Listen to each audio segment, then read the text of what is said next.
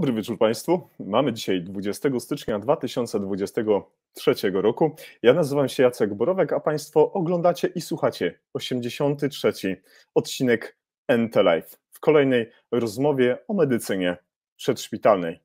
Witam wszystkich e, bardzo ciepło, bardzo serdecznie w ten chłodny wieczór. Tutaj na północy już prawie minus 7 stopni, w nocy ma spaść temperatura do prawie minus 12, tak więc liczę y, na to, że wspólnie stworzymy bardzo gorącą atmosferę, która zabezpieczy nas przed tymi północnymi chłodami. Drodzy Państwo, uprzejmie dziękuję, że jesteście z nami bardzo regularnie, że oglądacie nasze odcinki, że, że subskrybujecie nasze mm, kanały, czy na e, Facebooku, czy na, e, czy na YouTube, czy zaglądacie również do Spotify. Każda taka aktywność, każde takie e, przekazanie informacji, że dzieje się coś nowego w NT Life jest dla nas bardzo ważna. Uprzejmie za to wszystkim Państwu e, dziękujemy. Pozdrawiamy wszystkich naszych stałych partnerów, z którymi współpracujemy już od dłuższego czasu. Bardzo dziękujemy za to, że dołączyliście tym razem do naszego kolejnego wydarzenia Polskie Towarzystwo Pielęgniarstwa Ratunkowego, e, Ratunkowa w Rostoce, Ratownik na Wyspach, e, Paramedyk Polan Ratownictwo, Lukas Felcher. Mm, ratownictwo medyczne łączy nas wspólna pasja. Oczywiście nie brakuje Prehospital Log i są z nami również dzisiaj bardzo wyjątkowi goście. Jest to cała ekipa Larda Medical Poland, którzy są dzisiaj z nami, którzy, którzy też swoim profilem, swoimi mediami społecznościowymi jakby otoczyli nas takim medialnym wsparciem. Za to całemu zespołowi bardzo pięknie dziękuję. E, jest mi ogromnie miło, że otrzymuję, wysyłacie, drodzy Państwo, do nas swoje opinie, swoje recenzje. Można napisać wszystko to, co się tak naprawdę chce na naszym Facebooku. Jeżeli się Państwu podoba bądź nie podoba, napiszcie, co, co macie ciekawego do powiedzenia na temat naszej aktywności. Od ponad 82 odcinków, dzisiaj 83, robimy to przede wszystkim dla wszystkich widzów i słuchaczy. Mm, drodzy Państwo, szczególne podziękowania i pozdrowienia kieruję do pani, pani Ani Fujak, specjalistki do spraw marketingu z Lardal Medical Poland za taką świetną współpracę od samego y, początku, od pierwszego telefonu z propozycją, że ja bym chciał zaprosić, żeby ten wątek norweskiego Lardal wybrzmiał również na stronie Nordistriget tak wpadło to na fantastyczny, dobry grunt. W tym momencie panią Anię serdecznie pozdrawiam i bardzo się cieszę, że, że tak udało nam się to wszystko pięknie spiąć już jeszcze w 2022 roku. I cieszę się bardzo, że dzisiaj absolwent inżynierii biomedycznej Wydziału Podstawowych Problemów Techniki Politechniki Wrocławskiej, fan i entuzjasta ratownictwa medycznego i szerzenia idei pierwszej pomocy wspierających od lat lokalne i krajowe akcje upowszechniania wiedzy i umiejętności w zakresie resuscytacji krążeniowo-oddechowej. Zawodowo od 13 lat, drodzy Państwo, związany z y, firmą Lardal Medical, gdzie aktywnie wykorzystuje swoją wiedzę i doświadczenie, aby poprawiać bezpieczeństwo pacjentów, y, gdzie jest również specjalistą symulacji medycznej ze względu na często przeprowadzane symulacje z zakresu położnictwa, okrzyknięty najczęściej rodzącym facetem w Polsce. Drodzy Państwo, przed Państwem w naszym studiu w NT Live pan Michał Żyła z Lardal Medical Poland, którego bardzo serdecznie witam w naszym studiu. Dobry wieczór. Dobry wieczór z Wrocławia. Cześć Jacku. Cześć. Bardzo się cieszę, że dotarłeś, bardzo się cieszę, że jesteś dzisiaj z nami. Y, mam, mam nadzieję, że miałeś dobry dzień i, i, i zasiadłeś już wygodnie, żeby się przywitać z naszymi wszystkimi widzami i słuchaczami, którzy już zaglądają tutaj, żeby Cię pozdrawiać i te osoby będą się pojawiały na ekranie. Więc jak znajdziesz jakąś osobę, którą znasz albo, albo przynajmniej rozpoznajesz, to tam odmachaj.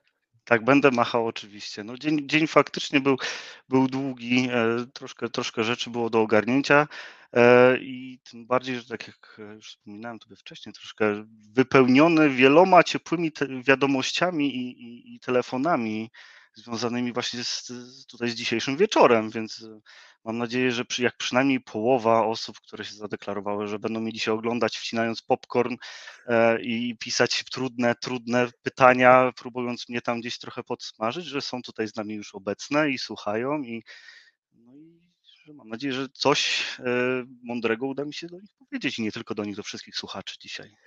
Norwegowie by, Norwegowie by powiedzieli, że grillowania czas nastał, drogi Michale, tak więc zgrillujemy Cię dzisiaj w tych tematach, których, które związane są z, z Lardal, z Lardal Medical Poland, no i z Twoją pasją i, i bycia tym fanem związanym z ratownictwem medycznym. Dlaczego tak się stało?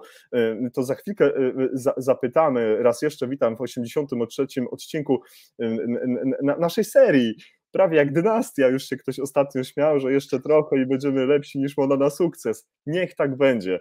Drodzy Państwo, jak zwykle, napiszcie skąd nas dzisiaj oglądacie, skąd nas dzisiaj słuchacie. Dopiszcie proszę hashtag NTLive, y, żebyśmy byli jeszcze bardziej odnajdywani w tym algorytmie Facebooka. Norwegia, dzisiaj Stavanger, tutaj widzę Barum, Damian Pora, dzisiaj też jest z nami, Wrocław, tak więc będzie chyba bardzo międzynarodowo tak jak powiedziałem, jeżeli widzisz, y, drogi Michale, y, znane tobie imiona, nazwiska, zdjęcia, to koniecznie odmachuj, koniecznie odpisuj również w tych komentarzach. Jest z nami również y, Janek, Janek Rusnak, cześć przyjacielu, Słowacja się wita, fajnie, że z nami jesteś, Koszalin, Kraków, te osoby, te kolejne miejscowości za chwilkę będę jeszcze pokazywał na naszym ekranie. Bardzo się cieszę, że dzisiaj Michał, no jesteś, no, reprezentujesz Lardal Medical Poland w tym naszym odcinku, no bo Nordistriget, Lardal ze Stavanger, z tej głównej miasta, gdzie, gdzie jest kwatera główna, no to udało się tak to wszystko spiąć w jedną całość, e, no, a ty mi tylko koniecznie powiedz, no jak to się stało, że, że no stałeś się częścią jednej z najważniejszych tak naprawdę e, instytucji, która no naprawdę dba o bezpieczeństwo na wieloetapowych etapowych poziomach. To był przypadek, że trafiłeś do tego Lardal? Jak to się stało? Co, no, życie to taki, tak chyba naprawdę to taki zbiór przypadków e, i w tym, w, tym, w, tym, w, tym, w tym przypadku również chyba. E, od zawsze, tak jak wspomniałeś w tym wstępie, jestem, byłem entuzjastą, e, jakoś zawsze to pomaganie ludziom, działanie w ratownictwie medycznym, wodnym, bo, bo od 12 roku życia e, byłem związany głównie z, z tym ratownictwem wodnym. Pełniłem dzielnie służbę na basenie e, w każde lato w swojej, swojej rodzinnej miejscowości. E, później wybrałem studia związane trochę z tym technicznym, z technicznym zapleczem medycyny, oto inżyniera biomedyczna na Politechnice Wrocławskiej, tak jak wspomniałeś. No, moi rodzice troszkę się chyba śmiali ze mnie wtedy, że, że, że trzeba było iść na medycynę, to tłumaczyłem, że, że jestem za leniwy może za, na medycynę, bo tam wtedy w ogólniaku przerażała mnie ilość chyba tych, tych, tej nauki, którą trzeba ogarnąć, a że za jakoś zawsze miałem dryg do może tych, tych nauk ścisłych na Politechnika i te kierunki techniczne związane z, z medycyną bardzo mnie pociągały. No i faktycznie na tym się, na tym się gruncie się sprawdziłem i tuż po ukończeniu studiów, rozglądając się za swoją karierą, włączając profil e, w stronę internetową pracuj.pl, wpisując szereg danych o sobie, wyskoczyło mi hmm. pierwsze ogłoszenie, że poszukiwa, firma Laerdal poszukuje przedstawicieli, entuzjastów właśnie, co idealnie podpasowało. Wysłałem, możecie nie wierzyć mi, ale taka była prawda, że wysłałem jednego maila, na drugi dzień się odezwali, tydzień później już byłem po rozmowie, dzień po rozmowie zadzwoniono do mnie, że chcą współpracować, więc dwa tygodnie po obronie dyplomu e, miałem pracę i tamtej pory no, jestem z firmą związany. To już w lipcu będzie 14 lat. Wow. E, aż tak pomyśleć, jak ten czas szybko minął. E, tu akurat się wpisuję trochę, bo pamiętam jednych z pierwszych spotkań e, w firmie, gdzie, gdzie przyjeżdżali, jeszcze wtedy byliśmy dystrybutorem firmy Lerdal w Polsce, jeszcze firma LMP hmm. wtedy tak, istniała tak. i działała prężnie. Przyjechał nasz opiekun, Brian Rayleigh, Szkot, który opiekował się właśnie dystrybutorami z tej części Europy. I mhm. pamiętam jedną z takich jego pierwszych takich e, mądrości. Pierwsza to jest, że, że firma Laerdal e, to jest taka firma, w której można, e, można pracować do emerytury i obawiam się, że chyba mają rację i że to tak chyba już zostanie, że, że, że cały czas mi się podoba, cały czas sprawia mi frajdę to, co robię przede wszystkim ludzi, z jakimi się pracuje i nie mówię tutaj tylko e, z teamem naszym tutaj polskim, ale, ale przede wszystkim z partnerami, którymi się spotykamy codziennie, no bo doskonale o tym wiesz i wiecie tutaj wszyscy Państwo zebrani, że osoby, które są związane z medycyną, z ratownictwem medycznym, e, a przede wszystkim z nauczaniem tych, tych, tych przedmiotów medycznych, no to, to jest inna, inny, inny gatunek człowieka, to są po prostu friki, zazwyczaj tacy, że chcą się dzielić tą pasją, który cały czas hmm. na końcu, może na końcu, no to najważniejszą ogniwem, ale na końcu tej całej drogi jest jednak pomaganie drugiemu człowiekowi, więc hmm. no, hmm. chyba trudniej o bardziej szczytny cel postępowania u siebie. A, a poza tym, a wracając do Briana i drugiej jego myśli, czyli to, co powiedział, to pamiętaj, że, że, że pod nazwą Lardal naszym mottem jest, że helping save life, czyli pomagamy ratować życie, to nie my ratujemy, a zawsze tak jak i studia moje wybrane, e, związane były z tym technicznym zapleczem medycyny, czyli mhm. pomaganiem tym, tym faktycznie bohaterom w pelerynach białych, w maskach, tak, co ratują na co dzień życie, że odbierają, odbierają te złe, złe rzeczy, które się dzieją z ludźmi. Tak tutaj e, też jesteśmy poniekąd e, taką, te, taką instytucją, która wspiera, zawsze, zawsze jakoś mi odpowiadała ta rola, e, wspierająca, pomagająca, szukające rozwiązań, które mogły mm. pomóc. Więc, więc to absolutnie, to tak jak mówię, y, do emerytury pomagać, wspierać, ratować to życie. I to absolutnie. chyba pasuje. Ja myślę, że w ogóle jakbyś na emeryturę miał ochotę, drogi Michale, przychodzić, to później z takim bagażem fantastycznych doświadczeń wieloletnich w takiej no, firmie międzynarodowej, no bo ponad 1400 pracowników w samej tylko siedzibie głównej firmy w Stavanger, w, w głównej kwaterze około 400 osób pracuje. Administracja, ta część techniczna, inżynierowie, planiści, informatycy, no a i ponad 1000 osób w tej siatce mafii międzynarodowej Lardal, która się z sobą łączy każdego dnia, y, to fantastyczne. Zanim przejdziemy do misji, zanim przejdziemy do waszej wizji, tego wszystkiego, y, y, no, czym się możecie pochwalić, to ja mam dwie rzeczy do ustalenia od razu na początek. Powiedz mi proszę cię, o co chodzi z tym twoim wydziałem, podstawowych problemów techniki. Ja nie wiem o co chodzi, co się kryje pod tym y, nazwą tego wydziału, bo to jest y, trudna rzecz rozkminić, to ja bym bardzo, tylko tak pamiętaj, ja jestem prostym medykiem, żebym zrozumiał. E, Wydział Podstawowych Problemów Techniki e, to jest jeden z najstarszych wydziałów na Politechnice i e, okrzyknięty przez studentów pozostałych wydziałów jednym z najkoszmarniejszych, najtrudniejszych, ponieważ e, pod tą nazwą ukrywają się takie kierunki jak matematyka, jak fizyka, jak informatyka, ale nie ta pojmowana e, siedzenie przy komputerze, ale wszystkim, co z teorią informatyki jest związana. Więc te wszystkie hmm. największe koszmary, jak cztery semestry czystej fizyki, zaczynając od podstaw fizyki po, po fizykę kwantową, e, matematyki, zaczynając od zwykłej algebry, kończąc na równaniach różniczkowych i całkach e, potrójnych, sferycznych, oznaczonych, nieoznaczonych, to wszystko przeszedłem. A, a czemu akurat na tym, na, tym, na tym wydziale? E, a to temu, ponieważ inżynieria biomedyczna wtedy jeszcze raczkowała Hmm. Strach pomyśleć, że to wcale nie było tak dawno temu, a jednak, no jednak dużo się zmieniło od tamtej pory. I był to kierunek podpięty pod fizykę, pod fizykę techniczną. Był to po prostu kierunek, specjalizacja hmm. podpięta akurat pod ten, na tym wydziale, no trochę mnie to przerażało, że, że będę musiał na tym wydziale studiować, czytając wcześniej opinie, przeglądając y, skrypty jeszcze papierowe wtedy i opinie zamieszczane na ten temat. E, hmm. No ale no, tak, tak akurat wyszło, że, że na tym wydziale na podstawowych problemów techniki inżynieria biomedyczna się znalazła. Teraz już jest samodzielnym kierunkiem i występuje na kilku wydziałach, między innymi na elektronice, na, dalej na podstawowych problemów techniki, ale jako samodzielny kierunek oraz chyba też na informatyce i zastosowanie komputerów w medycynie to można też studiować. Powiem Tobie, kiedy przygotowywałem się do dzisiejszego naszego spotkania i studiowałem te wszystkie trudne wyrazy na Politech, tam wszedłem na stronę Politechniki Wrocławskiej, wszedłem, przeczytałem trzy linijki i zrobiłem tak jak sobie pomyślałem, że ty żeś to wszystko przeszedł, e, przestudiowałeś, pozaliczałeś, pozdawałeś, to, to, to ja chylę czoła, to od razu mówię, tak? Tak więc na zachętę od razu e, gratulacje i, i, i, i, podziwiam. Ale słuchaj, jest jeszcze druga sprawa. E, napisał do nas w komentarzu do, do wydarzenia Stop the Bleed. Znasz taki profil, jest. Znam taki profil, tak.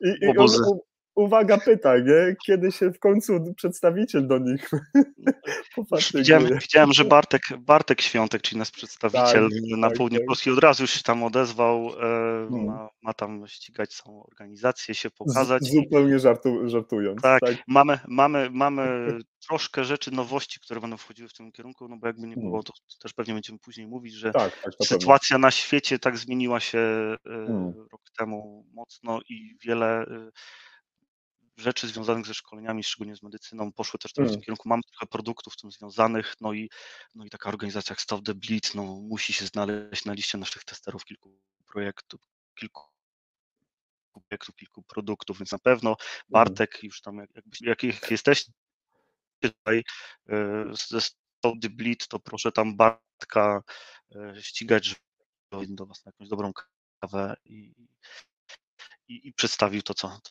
co to, co musi. A wracając jeszcze, Jacku, jakbyś mógł tylko poz tak. mi pozwolić e, do Politechniki Wrocławskiej.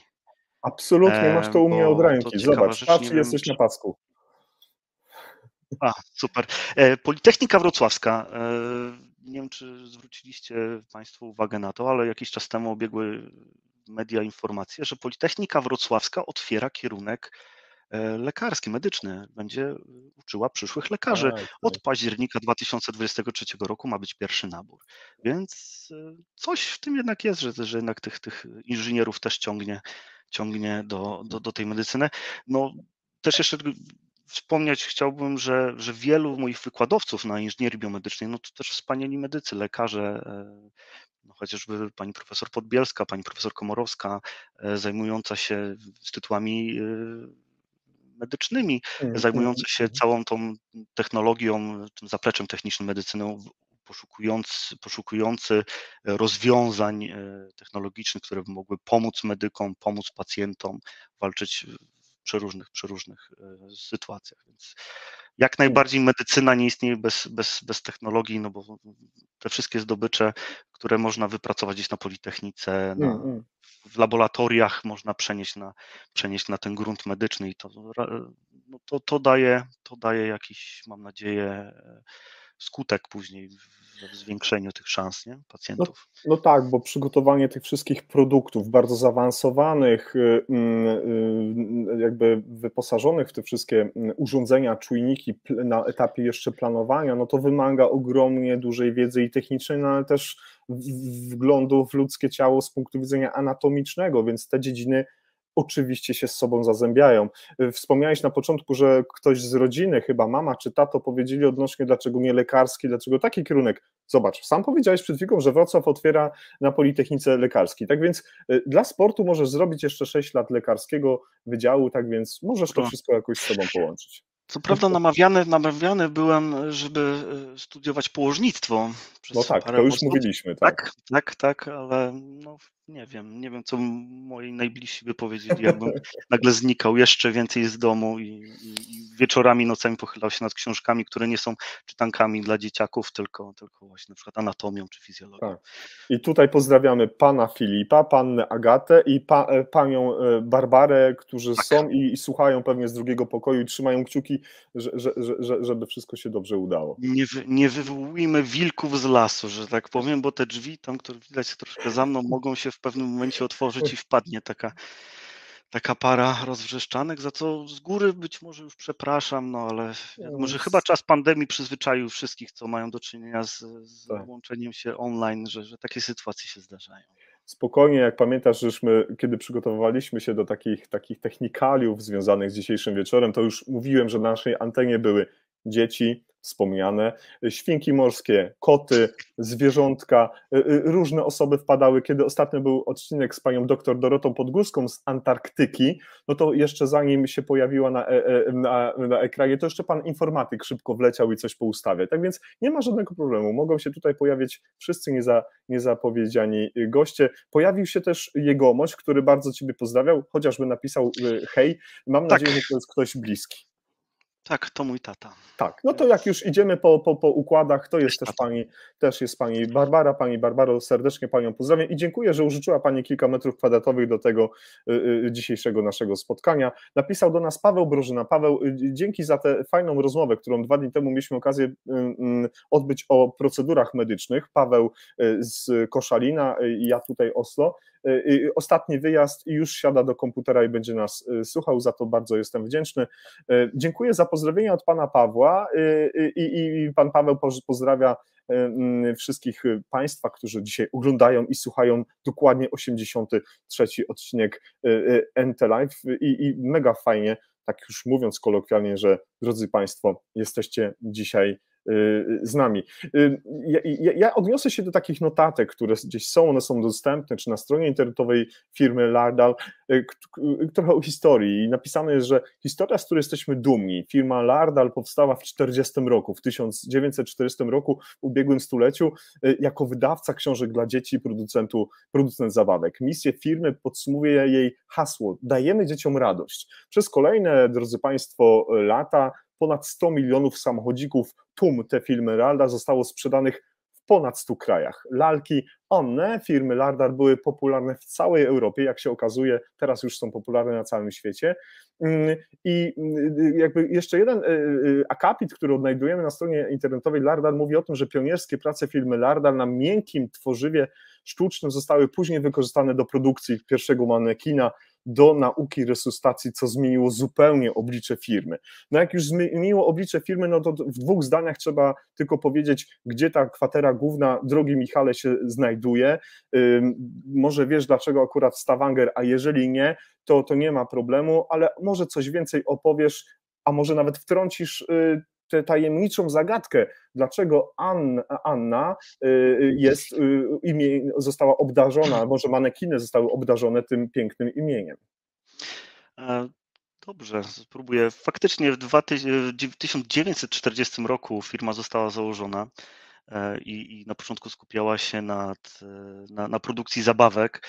E, zachęcam, jeżeli ktoś by miał taką sposobność wizytowania właśnie Norwegii i pięknego miasta Stavanger, do odwiedzenia jest tam Muzeum Zabawek właśnie Lerdala, gdzie są te wszystkie historie związane, jak od czego to się zaczynało, od y, mieszania składników różnych preparatów przy domowym piecyku, żeby dobrać odpowiednią miękkość, miękkość materiału do produkcji lalek i, i tych samochodzików, o których Jacku wspomniałeś. Pamiętam, jest też tam również taka wzmianka, czemu akurat y, taki był mocny nacisk na te miękkie materiały, które dały później y, w, przyszłości przyczynek do produkcji właśnie fantomów miękkich. E, I odpowiedź na to pewnie jest takie, że meble w, w tamtych czasach głównie były wykonywane z spolerowanego drewna, a zabawki, które były robione, były również drewniane bądź zawierały elementy metalowe, kute.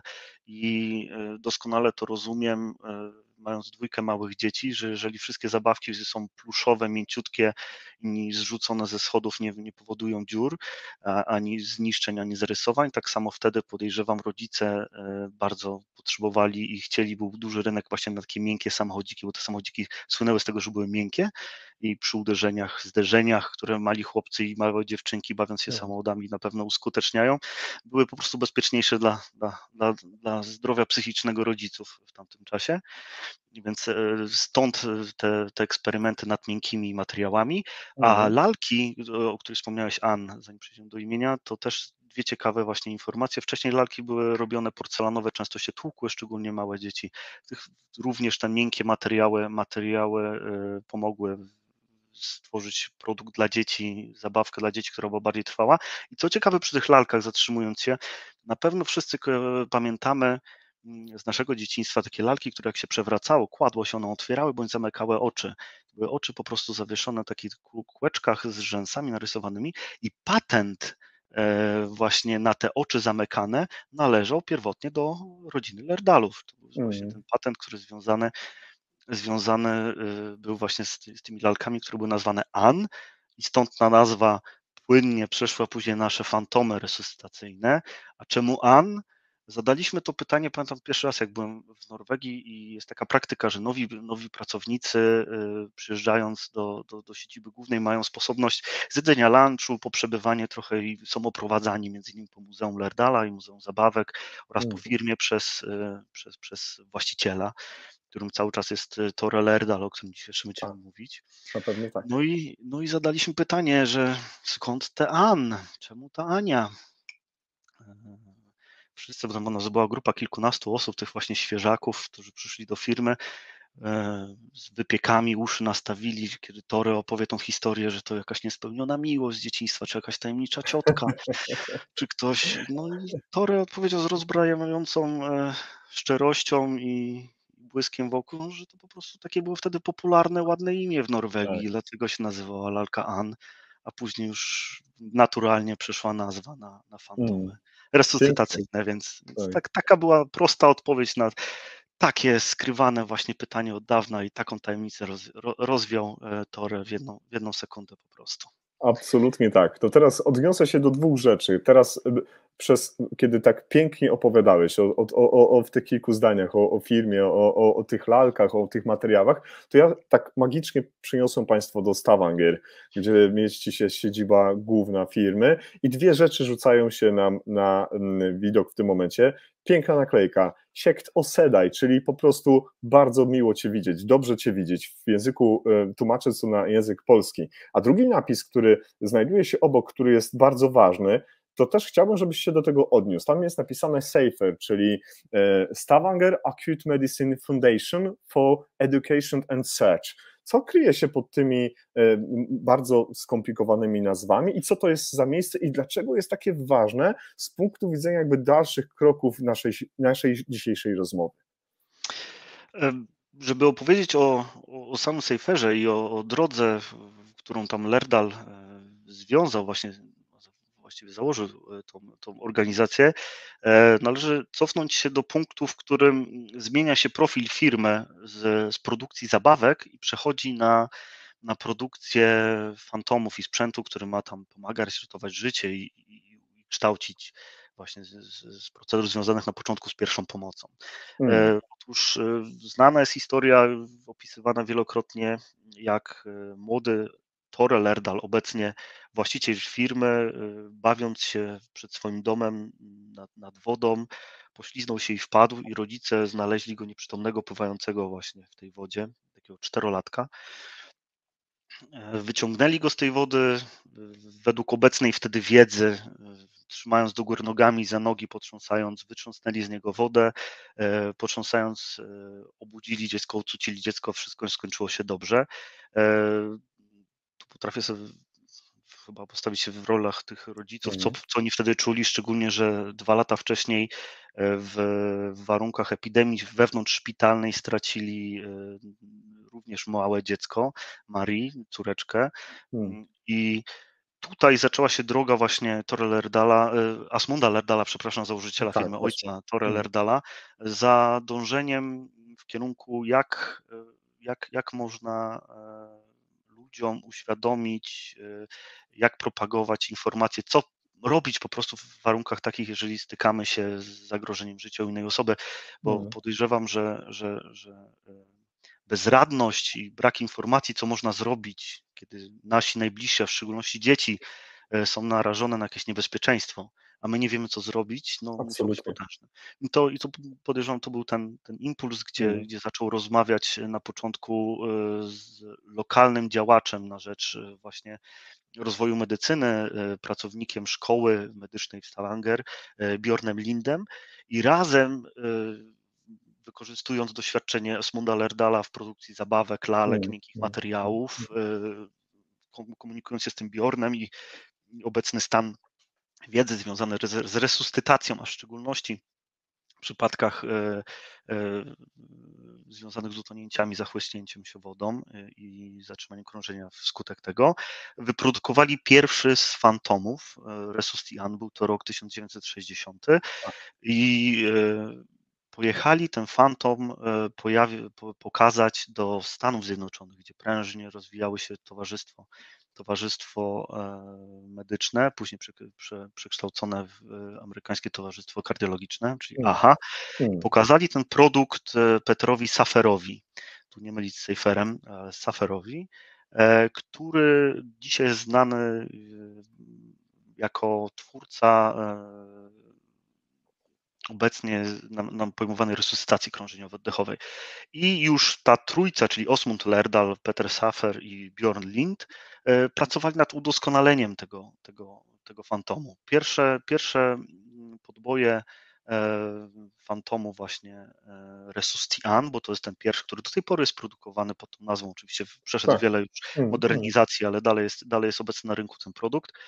E, został używany właśnie w Stavanger i w okolicy e, wśród dzieci. To jest właśnie hmm. ciekawe. W szkole był taki program e, prowadzony właśnie przez Bjorna Linda, który za pomocą tych fantomów uczył dzieci, jak, jak, jak, jak udzielać pierwszej pomocy, jak postępować, jak uciskać klatkę piersiową. Hmm. I, i, I co ciekawe, chyba stąd też taki model Skandynawii, Skandynawowie to mają, bo to się określa mm, przy samym nauczaniu pierwszej pomocy, nie wiem, czy to poruszaliście już kiedyś w jakichś wcześniejszych, nie spotkałem się póki co, we wcześniejszych, które oglądałem e, e, odcinków, e, że w systemie norweskim, skandynawskim nauczania pierwszej pomocy kładziemy nacisk na wprowadzenie informacji od najmłodszych lat, czyli dzieci już w przedszkolu w Skandynawii uczą się, że, że misia trzeba położyć, uciskam klatkę, wzywamy tak. pomoc. I z każdym rokiem, kiedy dziecko nabiera trochę doświadczenia i trochę więcej wiedzy o otaczającym go świecie, dorzuca się kolejne, bardziej zaawansowane informacje, które może przejąć. Może, może to wtedy się narodził ten, ten, ten projekt, ale wracając do lat 60., mhm. mm, na tyle duży sukces odniósł e, właśnie ten program w szkole, że w 1967 roku już e, powstawały prace naukowe w Stanach Zjednoczonych o wielkiej sukcesji, sukcesu, sukcesie Norwegii na polu właśnie tej resuscytacji.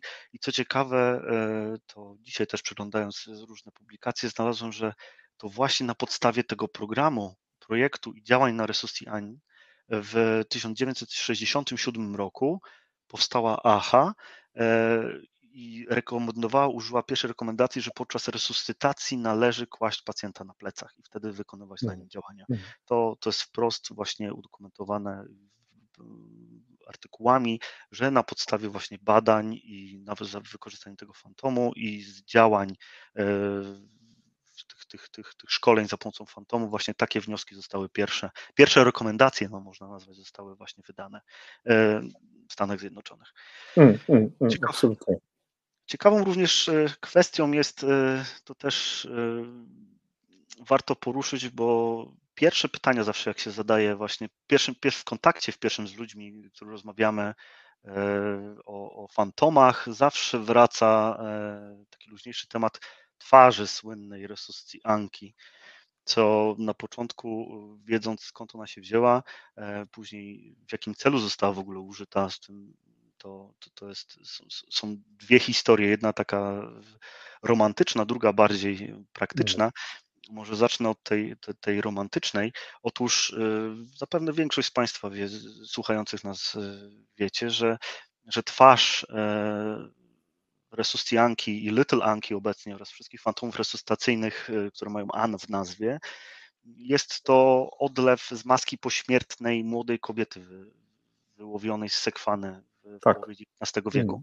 W tamtych czasach, kiedy jeszcze dagerotypia, czyli wczesna fotografia jeszcze raczkowała, e, żeby utrwalić taką wizję z takiej osoby, żeby dokonać późniejszej identyfikacji. No nie było internetu, nie było, nie publikowano takich rzeczy no w gazetach, które miały zakres ogólnokrajowy, więc żeby odnaleźć, odnaleźć takie, takie osoby e, w dłuższym czasie robiono odlew twarzy, z wosku, później z gipsu, żeby to utrwalić. Taki odlew e, mógł być później pokazywany, wystawiany do, i służył do identyfikacji. I po wyłowieniu takiej młodej kobiety, mm, której tożsamości do dzisiaj nie znamy, są różne tam szkoły, które próbują dowiadywać się, kim ona była, mm, e, wykonany taki odlew e, zachwycał wszystkich takim tajemniczym uśmiechem.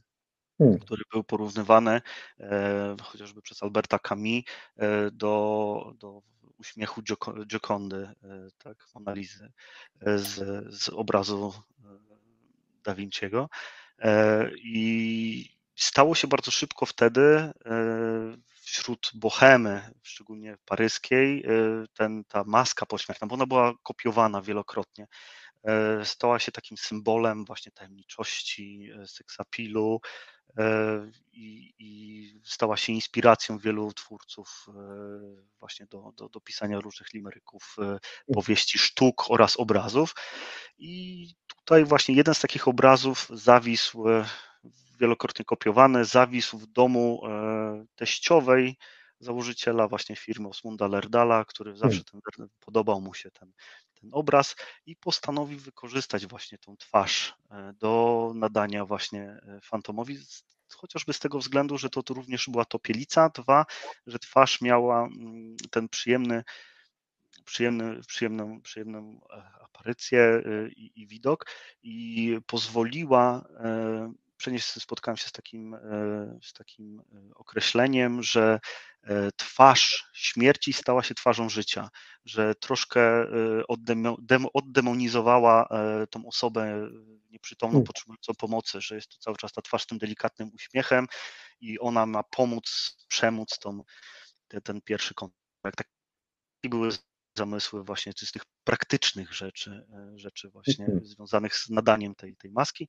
No i e, też odnośnie związane z tą maską, cały czas największym, takim najbardziej prestiżowym odznaczeniem, którą firma Lerdal e, nadaje swoim partnerom, którzy mają duży wkład, to jest właśnie z kilka tylko wydanych takich, jest właśnie taka odlew takiej, takiej maski e, hmm.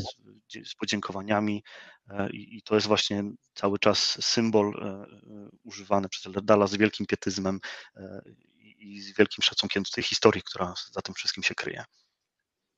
I w tym momencie musiałbym powiedzieć, że przynajmniej raz w miesiącu powinniśmy zrobić odrębny podcast o e, Lardal, o, o, o, o tym wszystkim, co Cię tak bardzo interesuje, bo ja już bym teraz chciał y, wyłączyć się z prowadzenia dzisiejszej audycji i słuchać Twoich opowieści. I bardzo Ci za, za nie dziękuję, bo widzę, że te 14 lat Twojej pracy w tej firmie przyniosło ogromnie piękny efekt, jakim jest ogromna wiedza, ale też pasja wynikająca z tego, y, y, no, czym się na co dzień zajmujesz. Nadal pozdrawiają Ciebie osoby, które są z nami Dziękuję. bardzo, bardzo regularnie. Mm, y, są osoby, które wspierają nasze działanie, są nasi starli partnerzy. Y, jest z nami właśnie wspomniana Dorota Podgórska, która nadal na Antarktyce jest już w sobotę. Y, ciepło pozdrawiamy, ciepło tak. pozdrawiamy, tak. Już niebawem, już za chwilę, już niebawem, już za chwilkę Dorota będzie wracała do nas Mm, tu pan doktor Grzegorz Lewandowski, którego pozdrawiam, już y, mm, zadał pierwsze pytanie. Panie Grzegorzu, oczywiście to pytanie zostanie zadane. Dziś Stop, Stop the Bleed z Ełku, spóźnieni, ciężki dzień. Była już dzisiaj o Was mowa, drodzy przyjaciele ze Stop the Bleed, y, ale no, jak już się ktoś tam nieco, trochę spóźnił, to na pewno y, y, może jeszcze się do, do, od, od, od, odniesiemy do tych słów, które padły na początku. Wiemy już jedno, że pan Świątek, pan Bartek Świątek został skierowany tak. do, do, do chłopaków, do ekipy Stop the Bleed. Cieszę się bardzo, że jest z nami dzisiaj Kraków, jest z nami Warszawa, jest Iza. Y, o, Bartek, pan, panie Bartoszu, przepraszam bardzo, y, jest dzisiaj też z nami. Bardzo fajnie, że ekipa Ladal Medical Poland czy jest dzisiaj z nami tak w takim bardzo szerszym gronie. Jest z nami pani Ania też, która słucha, która się przysłuchuje naszej rozmowie. Z pewnością nie raz już słyszała Michała Żyłę w akcji, i, i, więc żadne zaskoczenie to nie jest. Ja tylko pozwolisz sobie, mm, jeszcze dodam jeden wątek i za chwilkę przejdziemy do tych trzech bardzo ważnych kwestii związanych z wizją, z tą misją, ale opowiemy o tym za chwilkę. Chciałbym, żebyśmy się jeszcze odnieśli do tego logo. To logo jest bardzo specyficzne. Ja pamiętam pierwszy raz, kiedy za, y, zauważyłem logo E, Lardal w życiu w ogóle, to właśnie skojarzyło mi się to, ten Samarytanin z takim, z takim dobrem, z takim czymś niesamowicie ciepłym, takim empatycznym, takim otwartym, takim no właśnie wyjątkowym, co w naszej pracy jest szczególnie ważne. Powiedz kilka słów na temat y, y, tego logo i za chwilkę przeniesiemy się już y, w realne czasy, w tym, co możemy pokazać, do tych czasów, w których możemy pokazać już teraz nieco więcej o technologii, o której będziemy rozmawiać. Mhm. No, faktycznie logo firmy to mm, niezmiennie jest miłosierny Samarytanin o przypowieści człowieka, który bezinteresownie pomógł innemu człowiekowi będącego E, będącego w potrzebie, no tak jak tutaj pan doktor Grzegorz e, przypomina, Samarytanie jest uosobieniem miłosierdzia Bożego w tym wypadku i w tym też przypadku bezinteresownej pomocy. No, były pomysły, aby te logo troszkę upraszczać, zmieniać, no bo nie ukrywajmy, jest zmorą współczesnych grafików, którzy najchętniej by połączyli kilka e, dynamicznych linii układających się w napis i, i takie logo stworzyli. Niemniej jednak e, na tyle wyrazistym jest, e, jest nie wymagającym chyba dużej ilości komentarzu postać i postawę miłosiernego Samarytanina, żeby, żeby, żeby cokolwiek zmieniać i pozostawić to w naszym logo. E, przede wszystkim bezinteresowna pomoc, e, nie, brak e, obojętności na potrzebę człowieka będącego cierpiącego, będącego w zagrożeniu, nie odwracania głowy, tylko po prostu aktywne działanie na rzecz pomocy, pomocy mm, takiej, mm. takiej osoby. Absolutnie, bardzo Ci za to dziękuję. Odniosę się do pewnej rzeczy, o którą zapytał Pan Grzegorz. Ja bym bardzo nie chciał tego pominąć. Czasami w natłoku komentarzy, pozdrowień czy pytań pojawiają się pewne rzeczy i Pan y, y, Grzegorz y, napisał takie pytanie, czy, czy takie, tak, taki problem podniósł. Do tej pory nie spotkałem się z wysokiej jakości fantomem do nauki wkuć doszpikowych. Zawsze porażka i, i stąd zawsze pracowałem na kościach wieprzowych. Proszę o nowy jakościowo produkt Phantom, e, przedmiot dydaktyczny do nauki w Kuć, bardzo o to proszę. I tutaj od razu e, padł komentarz od pani Ani, która jest z nami, która czuwa nad nami dzisiaj również. Od razu odpowiedź. Panie Grzegorzu, ten temat wymaga dłuższej dyskusji. Z chęcią się z Panem skontaktujemy, aby zebrać wszystkie uwagi i przekazać je do działu badań i rozwoju a Michał, proszę dodaj coś jeszcze w tej kwestii od siebie. Tak, jeżeli chodzi o trenażery, bo tutaj e, mamy do czynienia ze sprzętem tak zwanej e, używanego najczęściej do symulacji niskiej wierności, e, no faktycznie te trenażery związane z procedurami, które wymagają nakłucia, cięcia, bądź wstrzykiwania, bądź pobierania jakiegoś materiału, mhm. no są niestety narażone na bardzo duży uszczerbek na swoim, na, swoim, na, swoim, na swoim istnieniu i po prostu zużywają się bardzo szybko. Zarówno to dotyczy nóg do wkłuć do szpikowych, e, jak i rąk bądź kończyn do wkłuć do żelnych, czy bądź do wkłuć zakładania wkłuć centralnych e, punkcji lędźwiowych.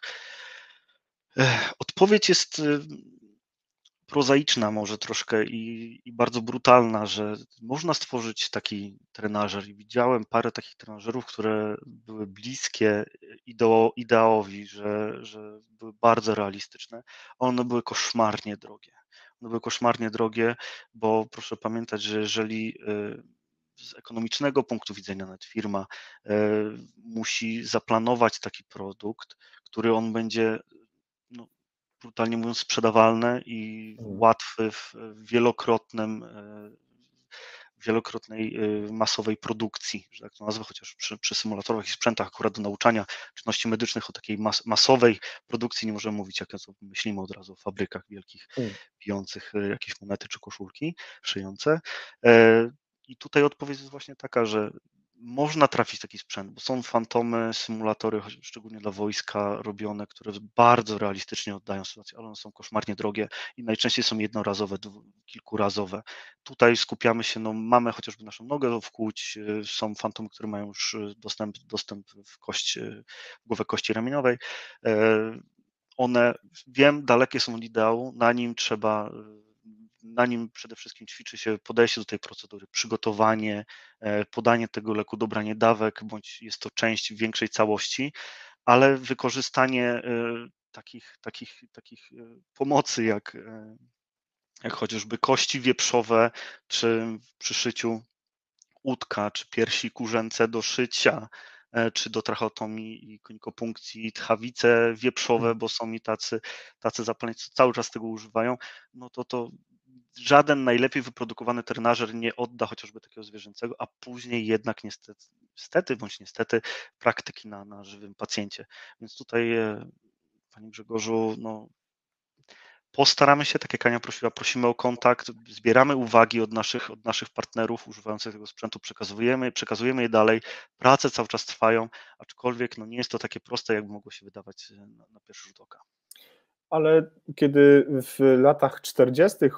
ubiegłego roku, ubiegłego wieku, przepraszam, powstawała firma Lardal, jeszcze z tym mianownikiem zabawek świata dziecięcego, to też wiele było wyzwań, trudności, któremu firma sprostała, więc jestem przekonany, że dzięki zarówno pasjonatom, ale też osobom, które będą wykorzystywały tę wiedzę. Tutaj żeśmy rozmawiali z Michałem, że wiele rzeczy trzeba poddać pewnej ocenie, wypróbować, wytrenować, sprawdzić, potrzebują od Państwa otrzymać feedback, czy to działa, y, to, to, ten, y, to ten teamwork w tych kwestiach musi być ogromny, więc y, tak mi się wydaje, mo, mo, mogę się mylić, jeśli tak, to Michał, popraw mnie, warto, żeby firma otrzymywała, czy ludzie, którzy zajmują się tymi projektami, informację zwrotną, czy coś działa, czy coś jest dobre, czy coś y, no, swój egzamin zdaje, żeby to y, no, miało sens i osiągnęło swój cel. Tak myślę, ja mam takie tak. przemyślenia w tej kwestii.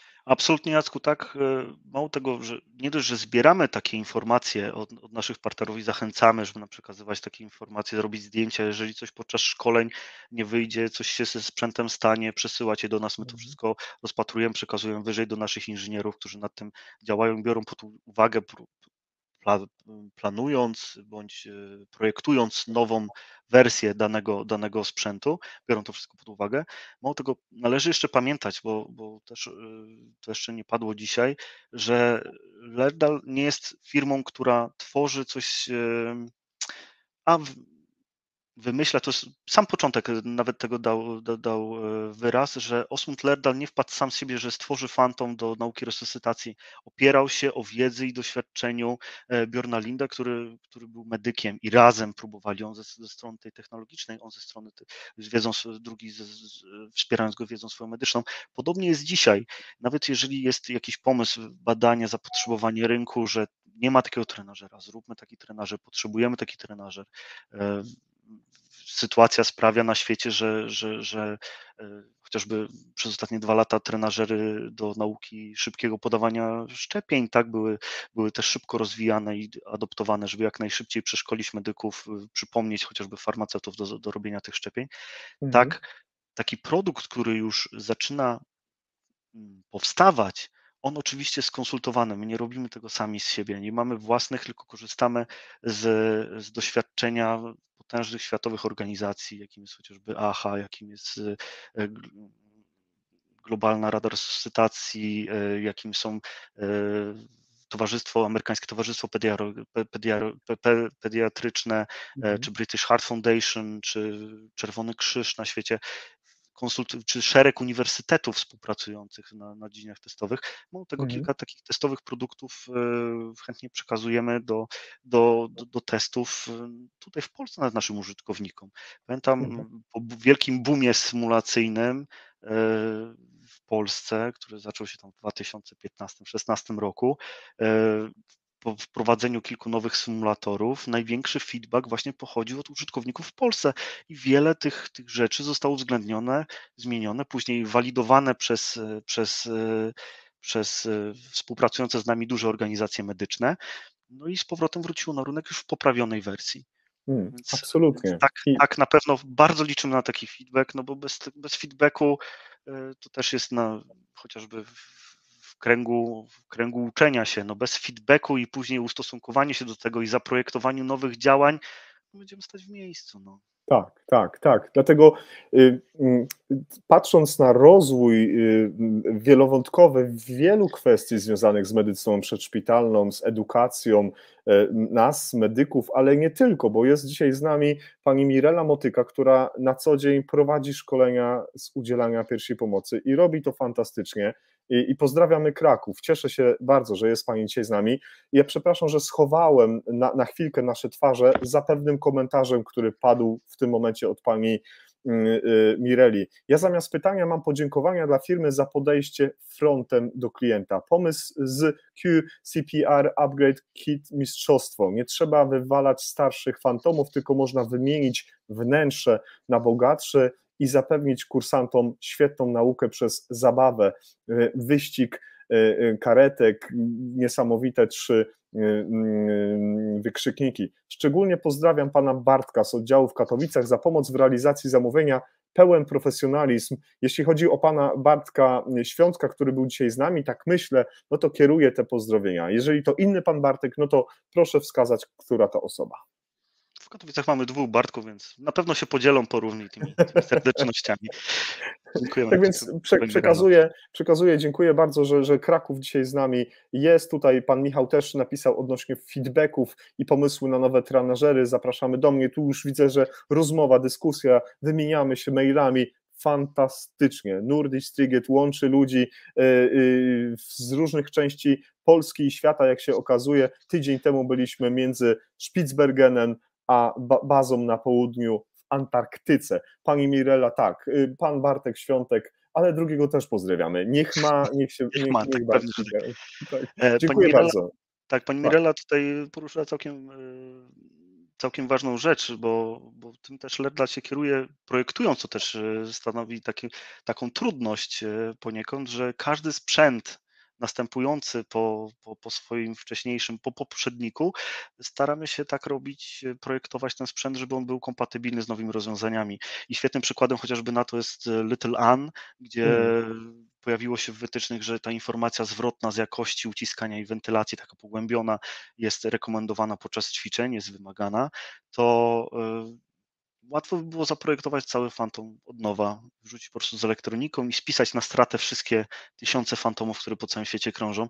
Tutaj akurat w tą stronę firma, firma Lerdal nie idzie i istniejące właśnie te upgrade kity, które można za myślę rozsądną cenę e, wymienić i, i fantomy z lat, e, nawet końca lat 90. E, przystosować do nowych wytycznych i dalej są używane, albo chociażby Phantom powstały w latach 90. również y, ALS-owy, nasz Mega Code Kelly.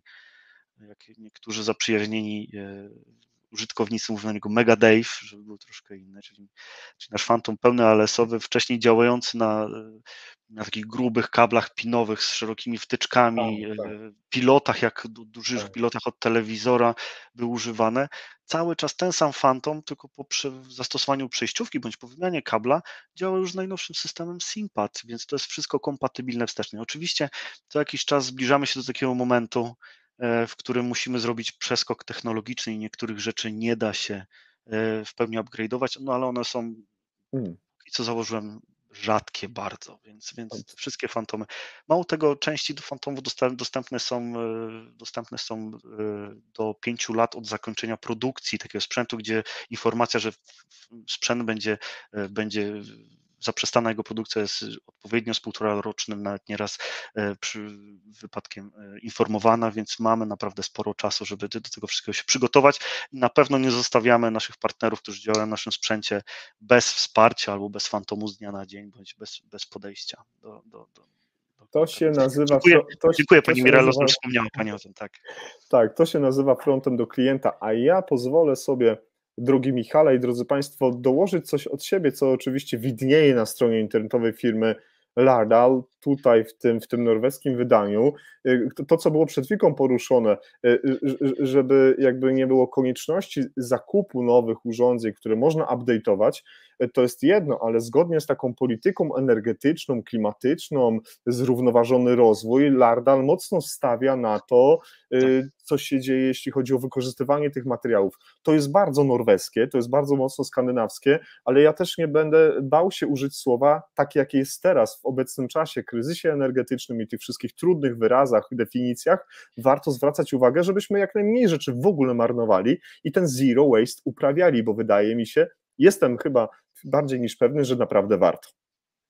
Absolutnie tak.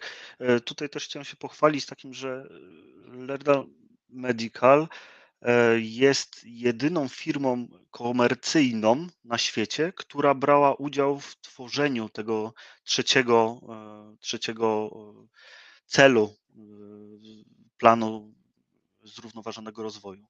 Więc, więc tutaj możemy się tym poszczycić. Teraz sporo już właśnie firm do, do, dołączyło do, do, do, do, tej inicjatywy, no i cieszymy się, cieszymy się z tego bardzo. Taka ciekawostka odnośnie, y, odnośnie tego zero waste i odzyskiwania większości produktów. Mhm. Projekt na razie jest testowany w Stanach, to ostatnio słyszeliśmy o tym, że być może dojdzie też do Europy, że będą odzyskiwane fantomy zużytej części i z nich są produkowane nowe, przerabiane. Wiadomo, że plastik, e, silikonowe i różne materiały, e, produkty sztuczne są łatwe w przetwarzaniu e, i wykorzystywane ponownie. I taka tak. ciekawostka, tak. jeżeli ktoś z Państwa ostatnimi czasy zamawiał fantomę Resusti Baby bądź ALS Baby, które przychodzą w takich szarych walizkach plastikowych, ta walizka ostatnio bardzo pojaśniała. To tylko, nie tylko dlatego, że po prostu ktoś stwierdził, żeby było najjaśniejsze niż szare, tylko dlatego, że technologicznie jest to, jest to zrobione w 100% z odzyskanego plastiku z naszych fantomów. Tak, i, i to jest też tak pokazane, innowacyjnie można gonić ten świat, rozwój również popełniać, który jest nam bardzo e, potrzebny, no ale zachować e, właśnie te, te, te, te zasady zrównoważonego rozwoju. Bardzo ciekawa e, polityka, bardzo jej tutaj wszyscy biją brawo, czy trzymają kciuki, żeby tak to się rozwijało. Drodzy Państwo, pojawiają się komentarze, pojawiają się nawet zdjęcia od naszych widzów i słuchaczy, którzy są dzisiaj z nami, y, zarówno oglądając i słuchając odcinek 83. Y, dzisiaj firma y, Ladar Medical Pola, no jest Michał przede wszystkim. Dostaliśmy zdjęcie od Krzysztofa, od Wiśni. Za chwilkę to zdjęcie się pojawi, żeby pokazać coś ciekawego, a ja jakby chciałbym zakomunikować, że, że za około 10 minut, drodzy Państwo, wspomniany konkurs, no ja mam nadzieję, że to nie tylko dlatego y, jesteście dzisiaj z nami, że ten konkurs i te nagrody i wszystkie szczegóły za chwilkę. My już jesteśmy gotowi. Tutaj w blokach startowych jesteśmy przygotowani. Tak więc je, jeszcze chwilkę, jeszcze za chwilkę, e, kiedy będziemy kolejne wątki do naszej rozmowy dołączać, będziecie Państwo mogli być usatysfakcjonowani ogłoszeniem tego konkursu. Później około 20 minut będziemy czekać na przyjmowanie prawidłowych odpowiedzi na adres mailowy, ale to za chwilę, drodzy Państwo, zachęcamy oczywiście do komentowania przebiegu naszej rozmowy, wymieniajcie się kontaktami, rozmawiajcie między sobą, wymieniajcie doświadczenia, e, tak jak przed chwilą tutaj napisał Pan e, e, Lucky Luke odnośnie karetek, one są mega, ale feedback po ćwiczeniach dla kursanta też jest ważny. Ja myślę, że on jest ogromnie ważny. Tutaj Michał, jako specjalista w zakresie prowadzenia symulacji medycznej, coś więcej na ten temat może powiedzieć. Tak, też chciałem właśnie odnieść się do, do komentarza tutaj Lucky Lukiego, e, Lucky Luka, e, że karetki, to taka ciekawostka, nie były na początku karetkami, bo pamiętam w chwili, kiedy nam prezentowano na zjeździe europejskim właśnie produkt, y, który później stał się QCPR-em i tą całą aplikacją i tym race modem, tym, wyścig, tym wyścigiem, na początku nie wiadomo czemu były zajączki i to właśnie z polskiego teamu padł pomysł, że czemu te zajączki może coś bardziej związanego z medycyną i padło na te karetki. I ku naszemu zadowoleniu po, po paru miesiącach pojawił się update oprogramowania już dostępne do testowania beta dla użytkownika i były to karetki, to jest pierwsza rzecz. A druga to jest dosyć, dosyć istotne, że ta gamifikacja e, nauki no jest bardzo ważna, bo już wiele badań poważnych na tym traktuje, że że jak dziecko na początku podczas zabawy się uczy, to dorośli podczas e, czynności, które sprawiają więcej frajdy, naprawdę więcej łatwiej zapamiętują. Więc ta gamifikacja, e, zaczynając właśnie od takiego wyścigu karetek poprzez e, VR i używanie wirtualnej rzeczywistości bądź jakichś gier logicznych, no absolutnie wychodzi naprzeciw, uzupełnia te całe portfolio narzędzi edukacyjnych, prawda? No, a w szczególności też tutaj w warunkach medycznych. Tak, tak. Czy, czy, medycyny, tak. Tak. Szczególne dzisiaj pozdrowienia raz jeszcze do pani Izabeli. Iza, pozdrawiam ciebie. Mamy y, pewien projekt z Izą, który staramy się realizować. Iza czuwa nade mną, wyłapała już dzisiaj po raz kolejny pewne y, odstępstwa od tego projektu. Droga Izo, Iza, będę się starał, żeby nadal iść w kierunku w kierunku y, jak najbardziej poprawnym. Lukas Felczer dzisiaj jest z nami. Znasz, powiem, profil, znasz y, blog, który, który jest z nami w naszej przestrzeni medycyny przedszpitalnej, ratownictwa medycznego, medycyny ratunkowej. Zadał, zadał Marcin pytanie. Y, za chwilkę do tego pytania, drogi Marcinie, się odniosę w tej części takiej już przeznaczonej, a ja bym chciał bardzo przejść jakby do kolejnego takiego wątku, bo już o, o, o misji Lardal z siedzibą główną w Stavanger rozmawialiśmy. Ja tylko przypomnę, że taką główną misją jest pomaganie ratowania życia, ale za chwilkę, za moment pojawia się wizja, w jaki sposób należy o tym myśleć. I tutaj tylko przytoczę, a o komentarz poproszę Michała dla naszych y, słuchaczy na Spotify, że nikt nie powinien niepotrzebnie umrzeć, umrzeć ani zostać niepełnosprawny podczas porodu w wyniku nagłej choroby, urazu lub błędu medycznego. I z tą wizją w tym momencie y, zostawiam y, Ciebie, Michale, i naszych widzów i słuchaczy.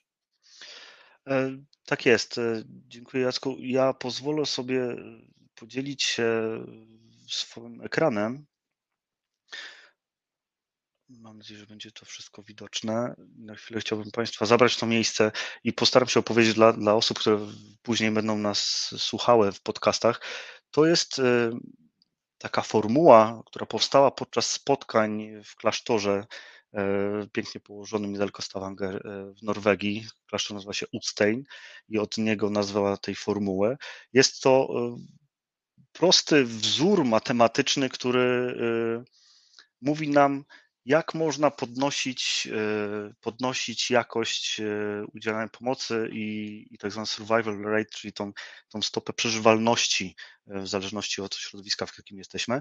I w idealnym świecie jest tak, że jeżeli weźmiemy naukę, która opisuje nam jakiś przypadek, czyli teorię te, chociażby resuscytacji, która mówi, że jeżeli zastosujemy, to jest w idealnym świecie, jeżeli zastosujemy te czynności, mamy 100% na, na, na uratowanie życia. Później przeniesiemy to na grunt e, edukacji i uczenia, przekazywania tej wiedzy użytkownikom i, i, szerokim masom. jeżeli uda nam się to również w idealnym świecie w 100%, dalej mamy 100% przeżywalności. Jeżeli tak nauczone, nauczone środowisko przełożymy na lokalny e, grunt i użyjemy tego w praktyce naszej, to to pozwoli nam uzyskać 100% przeżywalności w danym przypadku, który opisuje ten, ten przykład medyczny. Wiadomo, że w prawdziwym życiu jest to nieosiągalne.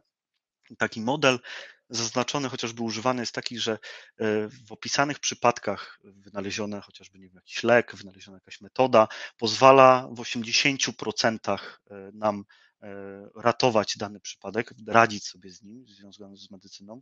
Podczas edukacji średnio około 50% tylko z tej całej wiedzy udaje się w sposób w sposób e, wiarygodny i w sposób e, skuteczny przekazać oraz lokalna implementacja tego całego rozwiązania i użycie tego w praktyce e, również jest obdarzona 50% skutecznością, jeżeli pomnożymy to z siebie mając wyjściowo 80%, weźmiemy z tego połowę, weźmiemy z tego połowę, czyli w takiej sytuacji tylko 20% 20% wyniesie ta, ta nasza, e, nasza przeżywalność w tym wypadku, czyli nasza skuteczność w rozwiązywaniu medycznego, medycznego tego projektu.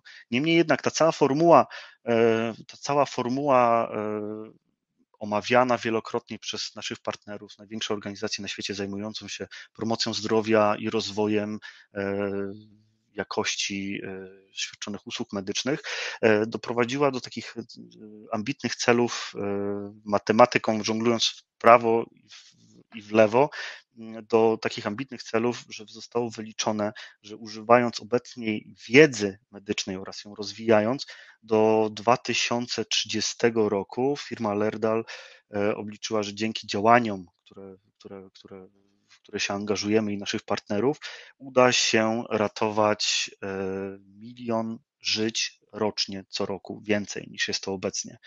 Jesteśmy e, mniej więcej w jednej trzeciej drogi teraz e, do tego celu. Idzie całkiem nieźle. Hmm. Można powiedzieć, że, że jest dobrze. Zobaczymy, co przyniesie, co przyniesie przyszłość. I jeszcze odnosząc się do samego tego miliona żyć, e, chciałbym zwrócić uwagę, że nie jest to, jest to na różnych na różnych polach działania. Głównym polem działania, który został osiągnięty już prawie w całości, to jest działania e, Fundacji Lerdal Global Health. Jest to pół miliona e, żyć związanych z porodami, czyli zarówno noworodków, jak i matek, które rodzą w warunkach w krajach rozwijających się, gdzie ten dochód, dochód na na, na, na głowę jest, jest dosyć niski i dostępność do wykwalifikowanej służby medycznej jest znikome.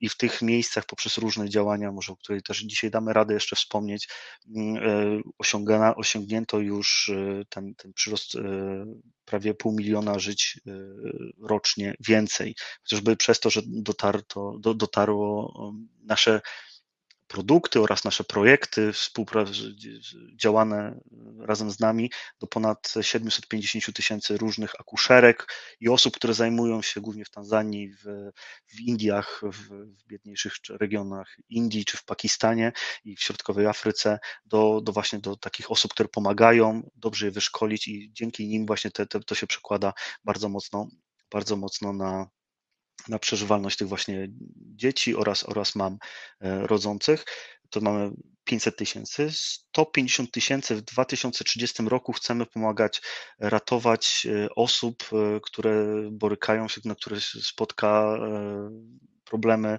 problemy sercowe, czyli klasyczne, znane u nas NZK, czyli tutaj w te 150 tysięcy rocznie więcej żyć związanych jest z prawidłową reakcją otoczenia głównie, bo to w warunkach pozaszpitalnych, e, na osobę, która ma problemy, problemy właśnie z zatrzymaniem krążenia, czyli podjęcie resuscytacji krążeniowo-oddechowej, prawidłowe uciskanie klatki piersiowej, e, prawidłowe wykonanie wdechów i, i działanie właśnie w tym, w, tym, w, tym, w tym wypadku. Następnie 100 tysięcy to mają być ofiary wypadków, czyli stop the bleed, wszystko co jak po asekuracja, przeciwdziałanie takim wypadkom. Następny obszar, w który wchodzimy, czyli pozostałe z tego prostego rachunku 200 tysięcy żyć rocznie więcej, to są już, e, to są już e, bardziej skomplikowane sytuacje, czyli wszystko, co jest związane z udarami, z wylewami, czyli projekty związane z szybkim rozpoznaniem i wdrożeniem procedury e, związanej z, z ratowaniem życia hmm. poprzez wdrożenie procedury chociażby udrożnienia żył tętnic zaczepowanych w głowie, tak? Czy, czy, czy jeżeli chodzi o serce, to zawał mięśnia sercowego, czy, czy w, w, obrębie, w obrębie właśnie serca. Skrócenie czasów, tak zwanego z angielskiego jest takie określenie door to needle time, czyli czas między zgłoszeniem i odbiorem pacjenta z domu i kiedy on trafia, trafia na stół, kiedy faktycznie jest pod tą igłą i, i, i trafia trafia, do pacjenta. To poprzez tak skuteczną symulację, symulację działań e, testowanie procedur z tym związanym możemy skutecznie skrócić. Niemcy są takim, takim przykładem, gdzie, gdzie w ostatnich latach naprawdę prawie o połowę skrócono czas e, oczekiwania, oczekiwania właśnie pacjenta, który trafiał już, był przekazany z karetki bezpośrednio na, na, na, na stół, tak, do, na hemodynamikę, bo, bo, tam akurat, bo tam akurat można było za pomocą sprawdzenia tych procedur, które są, niektóre rzeczy można było od, przenieść na inny, inny czas, inne rzeczy można było wykonywać równolegle, wdrożenie przy niektórych czynności już w karetce przez ratowników medycznych pozwoliło skrócić prawie o połowę ten czas. Więc to są, to są te rzeczy związane e, z tym. Oraz ostatni fragment tych, tych żyć, gdzie moglibyśmy mm, widzieć poprawę, czyli wszystko, co związane jest e, z błędami medycznymi popełnianymi w warunkach przed i, przedszpitalnych i szpitalnych oraz sepsą, która często gęsto jest wynikiem właśnie e, takich, e, takich, takich zdarzeń. Musimy na pewno nauczyć się o tym rozmawiać, mówić o tym. Jest coraz więcej publikacji mówionych, mówiących o błędach medycznych, bo jeżeli nie będziemy mówić o błędach popełnianych, nie będziemy wyciągać z nich wniosków, a co za tym idzie, będziemy w kółko je popełniać i to, to niestety, niestety będzie przynosiło no, płakany skutek, tak jak jest, bywa dzisiejszych czasach. No więc symulacja medyczna i te działania w tym wypadku też mogą być zbawienne, gdzie, gdzie w warunkach bezpiecznych e, możemy przepracować przypadek, który nam się trafił, e, który hmm. trafił się na jakimś sąsiednim oddziale i możemy to naprawdę poprawić, wdrożyć, sprawdzić, sprawdzić procedury. Więc to jest ten milion żyć więcej do 2030 roku co roku. Y, pozwoli, że ja rzadko kiedy staram się coś od siebie w trakcie audycji NT Live powiedzieć, bo goście są najważniejsi widzowie i słuchacze, ale ja nie wiem, czy drodzy Państwo sobie zdajecie sprawę, że to nawet to nie chodzi o cyfry, bo za każdą taką y, cyfrą, liczbą, kryje się jakaś mama, jakiś tata, jakiś brat, jakaś ciocia, jakiś sąsiad, jakiś, jakaś osoba y, biała, y, czarna, y, Azjata, Europejczyk, ktoś na, w dalekim części świata. Czy Państwo sobie wyobrażacie, o jaką skalę ratowania ludzkich żyć chodzi co roku? Popatrzmy na to nie w sposób nawet tych liczb, ale tych twarzy, E, dzisiaj mówiliśmy o twarzy wykorzystywanej y, do, do, do powielania y, y, fantomów, ale jakbyśmy się zastanowili, ile jesteśmy w stanie wspólnie zrobić przez technologię, przez takich pasjonatów i przez też nas samych. Przed chwilką Krzysztof Wiś, Wiśnia, zbyt goszczy, nasz człowiek, który, który, który do nas bardzo często zagląda, podesłał do nas fajne dwa zdjęcia z komentarzem. Pozwolisz, drogi Michale, że ja te dwa zdjęcia pokażę. Krzysztof jest w tym momencie y, na, na, dyżurze. To jest takie zdjęcie, które wysłał. To też może potraktuję jako pozdrowienia dla ciebie. Y, y, I myśl, my, myślę, że niech one takie będą. To, to, to są pozdrowienia od Krzysztofa i Krzysztof też napisał komentarz, który w tym momencie szybko gdzieś znajdę. Krótki, długa droga. Tak, długa droga przed nami, jeszcze dużo do zrobienia w zakresie resuscytacji krążeniowej, y, y, krążeniowo-oddechowej, ale powoli, skutecznie. Obyśmy jak najbardziej, drodzy Państwo, drodzy widzowie, y, dochodzili do tego w sposób no, taki step by step, krok po kroku, że, żebyśmy od razu nie chcieli jakby wszystko naraz, bo, bo czasami to nas wszystko mocno pochłania. I jeszcze jedno zdjęcie, które w tym momencie Krzysztof przesłał już tak na żywo pokazane, jak wygląda e, używanie mm, sprzętu, czy używanie odpowiedniej technologii do nauki pierwszej pomocy, po to, żeby te brzydko powiem, statystykę uzyskać. Te milion istnień ludzkich, które można rzeczywiście uratować. Wiśnia, Dzięki. Wiem, że jesteś na dyżurze. Y, niech dzisiaj będzie spokój. Y, posłuchaj do końca naszej dzisiejszej audycji. Y, dziękuję też za Twoją pracę, dziękuję za Twoje zaangażowanie, żebyśmy też ten system jakościowo mogli coraz bardziej zmieniać. Dostajemy od Państwa bardzo miłe komentarze w prywatnych wiadomościach na Messengerze, na Facebooku, w komentarzach na Spotify i na YouTube. Za nie dziękujemy, ale przekazuję je do gości którzy, którzy są u nas. I, I, taki też dobry komentarz dla Ciebie, y, y, drogi Michale, że naprawdę fantastycznie goście się pojawiają. Jesteś kolejnym z nich. Tak więc jeszcze raz dziękuję, dziękuję. że dzisiaj przyszedłeś. Dziękuję, dziękuję. No dobrze, to co? To mamy 10 po, taki był plan, żebyśmy 10 po około yy, mogli się odnieść do naszego konkursu. Są, są z nami kolejni widzowie i słuchacze gotowi do ratowania. Fantastyczny profil, zajrzyjcie do nich na Facebook, kliknijcie like i, i ten content niech będzie przesyłany dalej. Bardzo się cieszę, że kolejne y, osoby tutaj do nas zaglądają. Y, Just Save It świetny profil, również y, y, pozdrowienia dla Lardar Medical Poland, dla Michała, dla pani Ani, dla, dla pana Bartka, jednego, drugiego i dla całej załogi polskiej. Duma rozpiera, że tacy specjaliści są w naszej branży y, i są też pozdrowienia samego, od samego Alexa Hepnera z Globe Call, to jest też gość, który robi ogromną robotę, jeśli chodzi o budowanie świadomości, jeszcze lepsze podchodzenie do jakości, więc to też się cieszę, że Alex dzisiaj jest z nami i Ciebie słucha. Y, no, to, to chyba też wielka rzecz. Nie wiem, jak tam y, myślisz, drogi Michale. Absolutnie tak, absolutnie. Dziękujemy, że, dziękujemy, że jesteście. Ma Marcin Górecki, y, no, no witaj Marcinie, no też kolejny człowiek, który ogromnie dużo czasu i pracy ciężkiej wkłada w to, żeby ten nowy narybek medyczny, kadrę naszą szkolić. Pisze taki komentarz, każdy błąd medyczny to potencjalna przyczyna katastrofy w karetce, szpitalu, mniej lub bardziej zaawansowanych oddziałach. Symulacja medyczna to symulator lotów dla medyków. Marcin, super, że jesteś. Pozdrów Wasz klub akademicki w Tarnowie. Cieszę się, że jesteście z nami. Dobrze, czy autor pytania jest gotowy do zadania tego pytania, ale zanim może ten autor, nasz dzisiejszy gość to pytanie zada, to może zaczniemy od tyłu. Jaka, jaka nagroda i jakie nagrody są dzisiaj przewidziane, jeśli chodzi o nasz konkurs, którego pytanie będziecie mogli się Państwo za chwilkę spodziewać na naszej, na naszej antenie. Słucham, zatem pokazujemy, co jest nagrodą i komentarz od Michała. Drodzy Państwo, zdecydowaliśmy się przekazać na nagrodę w dzisiejszym właśnie konkursie e, u Jacka e, urządzenie CPR Meter, CPR Meter e, drugiej generacji. Jest to urządzenie, które ma za zadanie prostym interfejsem znanym na pewno Państwu z, ze szkoleń z fantomami Little Resuscian z naszym QCPR-em, używanie go na prawdziwych pacjentach, czyli kładziemy urządzenie, tak jak na grafice przedstawione, na klatkę piersiową osoby z potwierdzonym zatrzymaniem krążenia i uciskamy klatkę piersiową. I prosty interfejs podpowiada nam, jak tą klatkę mamy uciskać, czy mocniej, szybciej, wolniej, słabiej e, oraz po zakończeniu takim ćwiczenia, takiego ćwiczenia mamy możliwość zebrania feedbacku, jak ta resuscytacja nam, jak to uciskanie klatki piersiowej przebiegało. Produkt został stworzony już kilka dobrych lat temu. Pierwsza wersja jeszcze współpracy z Philipsem. Był on na początku dołączony do defibrylatorów Philipsa na kablu, później już bezprzewodowy jako nasz produkt.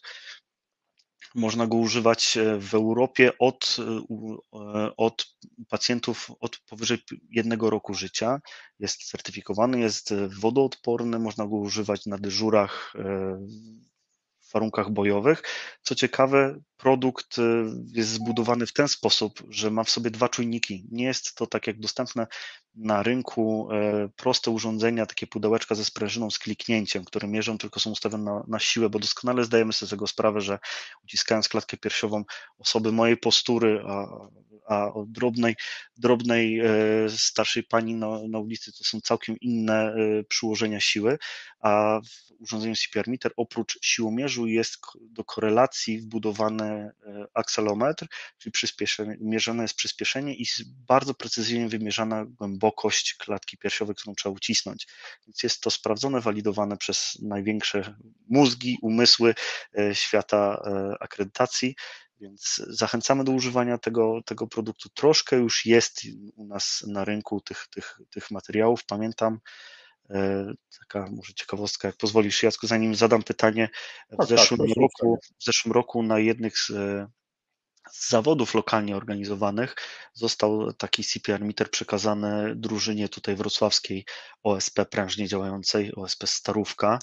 E, i już parę dni E, później dostaliśmy feedback od klienta, że klienta od partnera, który to używał strażaków, że w, w centrum Wrocławia zostało użyte to urządzenie na, w przypadku zatrzymania krążenia, gdzie e, strażacy, ratownicy, wykonując czynności, wyciągnęli z tłumu szarego obywatela, tak zwanego statystycznego szarego obywatela, położyli mu ręce na CPR meterze i powiedzieli, patrz na ten znacznik, uciskaj klatkę piersiową według tego, co tu jest pokazywane. I mamy te wyniki zarchiwizowane. Jest nawet był post na, na naszej stronie, że z tego co dobrze pamiętam, osoba, która nigdy nie miała do czynienia z, z resuscytacją za pomocą tego urządzenia, ucisnęła z prawidłowością 87% uciskanej klatki piersiowej, więc to chyba świadczy o tym sprawdzone w boju, że te, te, to urządzenie działa, więc zachęcam do używania takich urządzeń, które pomagają, dają ten feedback z jakości resuscytacji. Dzisiaj do, do wygrania w tym konkursie naszym, w tym pytaniu, w którym mam nadzieję nie będzie za trudne, aż pięć takich urządzeń, więc. E, ale fajnie. Osoby, pięć, które.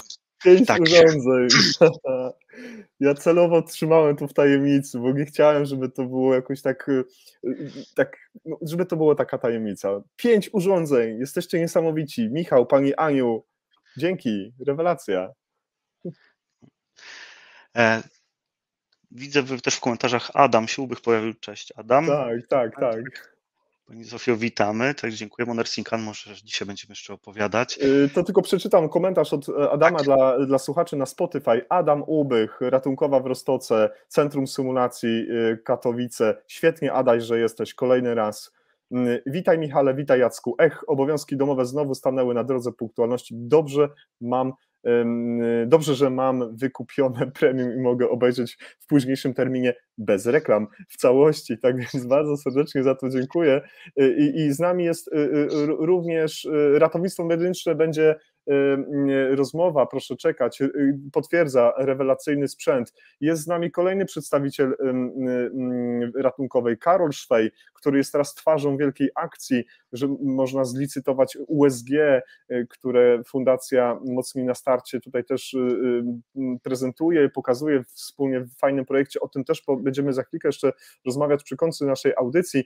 I też komentarz dla Ciebie ważny, tak, tak jestem przekonany, można też to ponieść dalej w kolejnym spotkaniu Twoim w ramach grupy, z którą współpracujesz, europejskiej, którą napisał taki, taką wiadomość Alex Hepner, dobry wieczór, wiadomość do zacnego gościa jest taka, że cały zespół edukacji South Central Ambulance Service używa sprzętu z Twojej firmy z, z tym modułem, o którym żeśmy rozmawiali. Tak więc to chyba najlepsza rekomendacja od takiego Dziękuję. gościa, jakim jest Alex Hepner.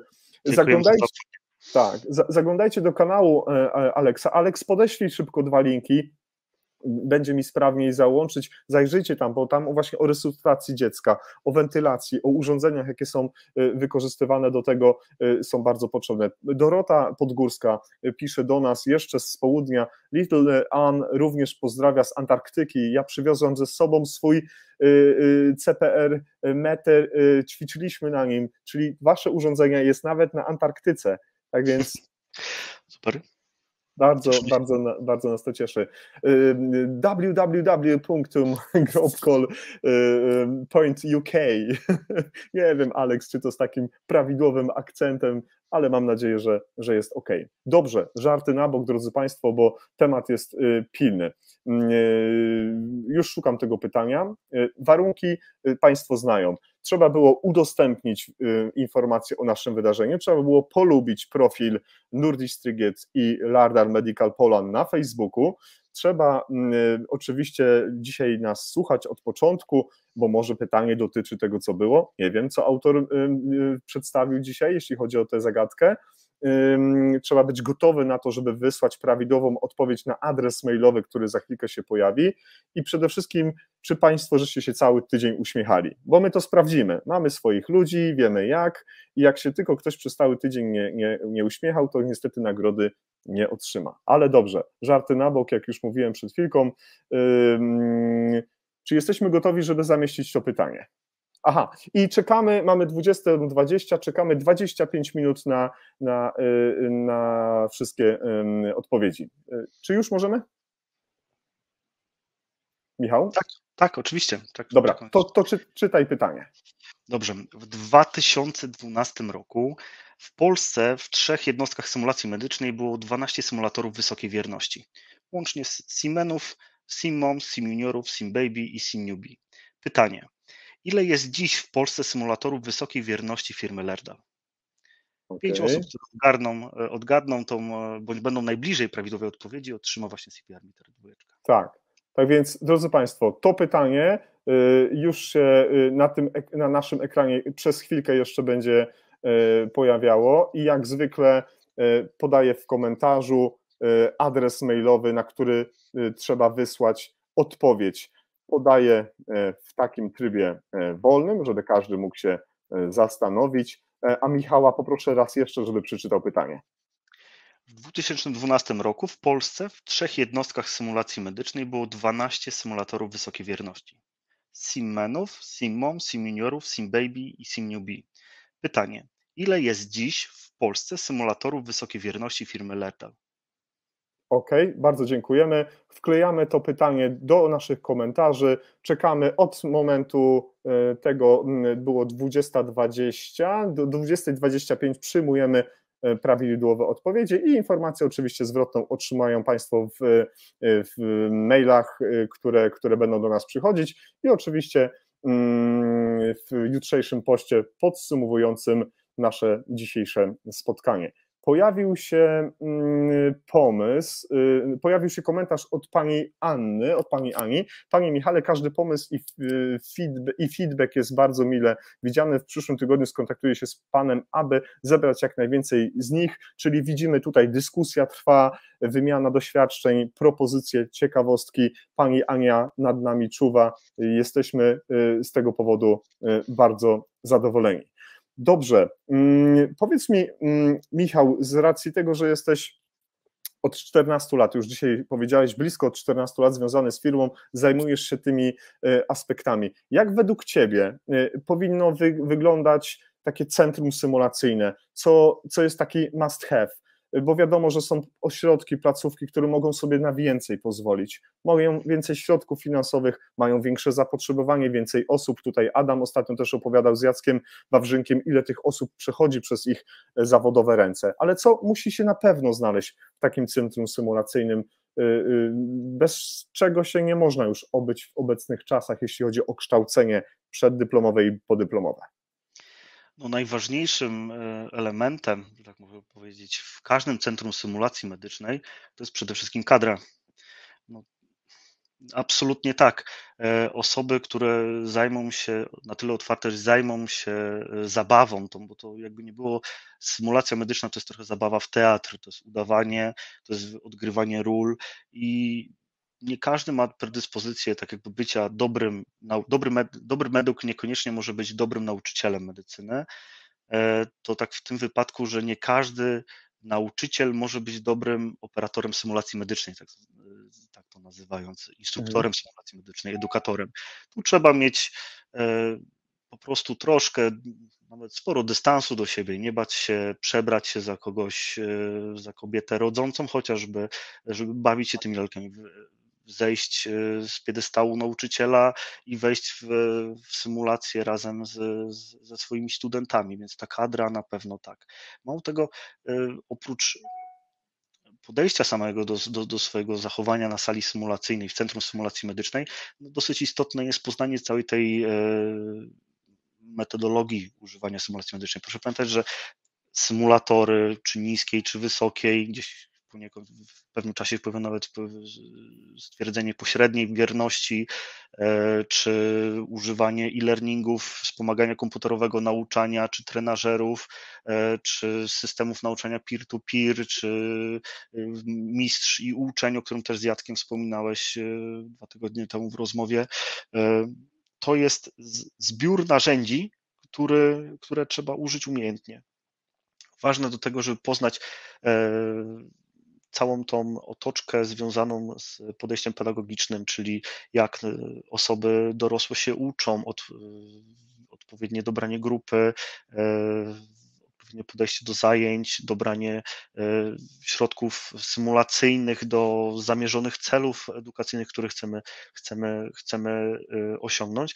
I tutaj z drugiego pola właśnie uśmiechają się do nas te sprzęty, które mamy, czyli e, jakbym miał wymienić to, co powinno znaleźć się w Centrum Symulacji Medycznej, to przede wszystkim dobrze zaopatrzona sala z trenażerami czyli rozbicie każdej umiejętności, którą, którą profilo, monoprofilowe czy wieloprofilowe Centrum Symulacji naucza e, na na pojedyncze moduły, których można uczyć. Czyli jeżeli mamy w przypadku nauczania położnych, to wszystko, co związane z umiejętnościami położniczymi, czyli mhm. trenażery, trenażery y, noworodków do opieki, do, do zaopatrywania, trenażery porodowe, położnicze, do badań wszystkich związanych oczywiście w płóć wszelakich i do mięśniowych, do szpikowych, już dzisiaj tu wspomnianych, czy dożylnych i tak rozłożone w dużej ilości te, te, te trenażery, aby na pierwszych e, latach edukacji, e, w pierwszych stopniach spotkania z tą symulacją e, przyszli adepci sztuk medycznych, mogli wyrobić sobie tą pamięć mięśniową i popróbować w warunkach bezpiecznych wielokrotnie te czynności e, pod okiem instruktorów doświadczonych, otwartych e, właśnie trenować. Więc na pierwszym miejscu salę umiejętności tych technicznych. Na drugim miejscu mm, e, pod względem może nieważności, ale obok tej, tej sali powinny być sale bardziej już złożonych procedur, czyli sala BLS-u, który chociaż w nazwie ma podstawową, podstawową pierwszą pomoc, to no bez, jak, jak mówi mądre pożekadło, bez dobrego BLS-u nie istnieje ALS, no bo już nie ma, nie ma najmniejszego sensu. Więc pracownie umiejętności, gdzie, gdzie zbieramy yy, uciskanie klatki piersiowej z wentylacją, z rozpoznaniem, z podejściem w ogóle do pacjenta. Zbieramy to razem, e, dodajemy do tego defibrylację z wykorzystaniem automatycznych defibrylatorów zewnętrznych. E, później rozwijam to dalej w sali umiejętności zaawansowanych czynności resuscytacyjnej, czyli ALS czy PALS, więc tam również te trenażery, które już poszerzają naszą tą wiedzę, gdzie oprócz BLS-u wykonujemy kolejne czynności oraz sale, y, które są zwieńczeniem tej całej, tej całej konstrukcji centrum symulacji, czyli salę wysokiej wierności, symulacji wysokiej wierności, gdzie już działamy na scenariuszach i na drugi plan, znaczy może na drugi plan, nie jest na tyle istotne, jak wykonywane technicznie są te czynności, bo już mamy je przećwiczone i, i wielokrotnie oceniane w, w tych salach, o których wspomniałem wcześniej, ale one są zebrane już konkretny przypadek kliniczny, gdzie młodzi medycy e, w warunkach zbliżonych maksymalnie do takich, jakich przyjdzie im pracować w przyszłości, e, są pozostawieni sami sobą, ponieważ instruktor jest schowany najczęściej za lustrem weneckim bądź na kamerze, obserwuje to, co się tam dzieje, sta, stają przed, e, przed problemem do rozwiązania medycznym i nie jest on najczęściej, najczęściej problemem takim stricte technicznym, typu dobrze zaintubuj, zaintubuj zacznij, zacznij używać, ale poradzeniem sobie z, z szerszymi zagadnieniami takimi nietechnicznymi. No wielokrotnie będąc na, na, na, na takich zajęciach prowadzonych przez profesjonalistów, doświadczonych e, trenerów i edukatorów symulacji medycznej, słyszałem, że dobry scenariusz takiej symulacji wysokiej wierności to jest taki, w których e, oczywiście wytypujemy sobie dwa, trzy cele takie techniczne, czyli typu sprawdzenie, czy faktycznie dobrze prowadzi BLS, czy dobrze intubuje, czy dobrze wykonuje podkucie, czyli dobrze interpretuje wyniki, ale oprócz tego jest jeden główny cel, taki nietechniczny, który może być, nie wiem, zarządzanie zespołem, komunikacja z pacjentem, radzenie sobie, radzenie sobie w warunkach e, trudnych, e, nie wiem, asertywność wobec napotkałej sytuacji, czy współpracy z jakimś, z jakimś e, członkiem zespołu, który tam stwarza jakieś problemy. Więc to jest, to jest już ćwiczone w tej, w tej na, na najwyższej wierności, czyli w tej sali, która jest zwieńczeniem tych, tych wszystkich centrów symulacji, symulacji medycznej. Więc mamy, podsumowując, jest związane z taką symulacją medyczną stricte e, rozumianą, czyli mamy salę umiejętności technicznych, w zależności od profilu prowadzonych, prowadzonych szkoleń, salę prostych czynności już takich zbiorczych, czyli ALS, BLS, bądź umiejętności pielęgnacyjnych, bądź umiejętności e, położniczych oraz sale symulacyjne wysokiej wierności. Uzupełnieniem do tego wszystkiego oczywiście są mm, sięgane e, nowoczesne narzędzia, czyli komputerowe wspomaganie nauczanie, czyli e, już dzisiaj napomknięta wirtualna rzeczywistość, różne e-learningi, atlasy anatomiczne, wirtualni pacjenci, gdzie siedząc przed komputerem rozwiązujemy rozwiązujemy jakieś quizy postawione nam przez, przez, przez konkurs. Tutaj też widziałem w komentarzach, przepraszam, nie pamiętam imienia, kto zadawał, ale było o opracowaniu na sztuczną inteligencją w prowadzeniu. Tak, są tak. To pytanie zaraz będzie. Tak, tak. Tak, są, są, są e, takie e, prace i to nie tylko Lerdal nad tym się pochyla. E, wiemy już dzisiaj, że kontaktując się z Googlem, Google, Google czy, czy Siri potrafi nam odpowiadać na wiele, więc dobrze zaimplementowany program sztucznej inteligencji może nam odgrywać rolę pacjenta, z którym na przykład mamy przeprowadzić wywiad bądź, bądź sprawdzić nasze umiejętności komunikacyjne. Więc na pewno, na pewno w tym kierunku symulacja będzie, będzie podążała.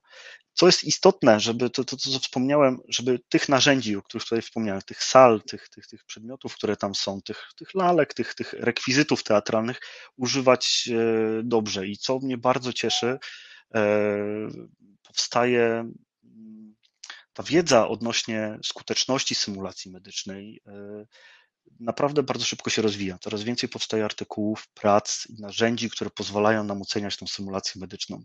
E, bo wracając jeszcze do tej całej formuły, formuły z Ustein, czyli pierwsza musi być ten pierwszym blokiem tego wszystkiego jest ta wiedza, którą musimy budować, e, nauka, którą później przekazujemy do nauczenia i wprowadzenia lokalnego, żeby zwiększać szanse i podnosić nasze kompetencje w działaniach medycznych, prawda? Więc y, mamy coraz więcej takich urządzeń i chociażby nawet ostatnio miałem podesłane, ja zostawię ten link. Y, może tak, bardzo proszę. Jak, jak będziesz miał linki czy kontakt nawet bezpośrednio do siebie, czy do pana Bartka, czy do kogokolwiek, kto odpowiada za te sprawy merytoryczne, doradcze, to bardzo proszę. E, ja nie konsultowałem wcześniej z tobą, który ewentualnie namiar mogę zostawić, ale myślę, że już po audycji, nawet w komentarzach, możesz też zostawić pewne rzeczy, które będą naprawdę y, y, ważną informacją dla naszych widzów i słuchaczy. Bo, bo chciałem naprawdę pochwalić jedną rzeczą, która wpisuje w to, co przed chwilą powiedziałem. Mamy nasze pierwsze narzędzie do walidacji procesów edukacyjnych za pomocą symulacji medycznej. I, i pani Katarzyna Zalewska z Krosna z, z panią Danutą Zarzycką popełniły taką pracę, jest opisana, jest dostępne, więc wysyłam tutaj, Jacku chyba na czacie wkleiłem, tak, tak, tak, tak, link do tego, do tego artykułu. Jest to jeden z wielu przykładów, które powstają na całym świecie związanych z z procedowaniem i działaniem na symulacji medycznej jako narzędziu edukacyjnym, które można teraz w sposób e, pewny sprawdzić, czy to dobrze nam wychodzi i poprawiać cały czas się za, za każdym razem, jak to używamy. Hmm, fantastycznie. E, e, odpowiedzi spływają, one cały czas do nas spływają. Przypominamy, pięć fantastycznych urządzeń w konkursie przygotowanym przez Ladar Medical Poland i Michał, który jest autorem tego pytania czekamy jeszcze parę minut. Tych pytań jeszcze pytania spływają, więc jeżeli będzie potrzeba, żeby dać Państwu parę minut więcej, prosimy napisać w komentarzu. Chcielibyśmy trzymać się ustaleń, ale jeżeli może ktoś do nas dopiero dotarł, no to też warto być elastycznym w tym świecie. Y, w związku z tym pytanie y, było podane w komentarzach, adres mailowy podany. Y, mm, cieszę się bardzo, że spływają pytania, spływają pewne komentarze, do których za chwilkę chciałbym się odnieść, aczkolwiek wracając do wątku y, dostępu do Waszych produktów na świecie przesłała Dorota zdjęcie prosto z Antarktyki, z bazy, y, która, która jest, która pokazuje, że, że, że, że, że no ten produkt funkcjonuje w jej przestrzeni y, jako medyka, który dba o bezpieczeństwo ekipy, która tam jest, no ale też utrzymuje wysoką jakość gotowości swojej do boju, bym tak powiedział, wojskowym y, y, takim y, tekstem bym to porównał. Tak więc bardzo dziękujemy Doroto za Twoje zdjęcie. Pojawiły się też jeszcze zdjęcia od Izy, za chwileczkę też je wkleję, też je podam. Pojawił się komentarz z zaprzyjaźnionej szkoły podwodnik, Szkoła Ratownictwo Sportów Wodnych i Obronnych. Asiu, pozdrawiam Ciebie bardzo serdecznie, bo myślę dzisiaj Ty również na e, e, tutaj e, straży komentowania dzisiejszego spotkania jesteś. My też mamy mobilne Rescue Lab z fantomami i oprogramowaniem Lardal. Polecamy, robią robotę. W konkursie nie bierzemy udziału, ale urządzenie bardzo nas zainteresowało. Do działań ratowniczych rewelacja poszukamy na to fundusze, czy możemy prosić o więcej informacji, link do jakiejś specyfikacji, cena i tak dalej. Tak, Asiu, oczywiście poprosimy mm, Michała, żeby po naszym e, po zakończeniu w komentarzach z Wami dyskutował, rozmawiał.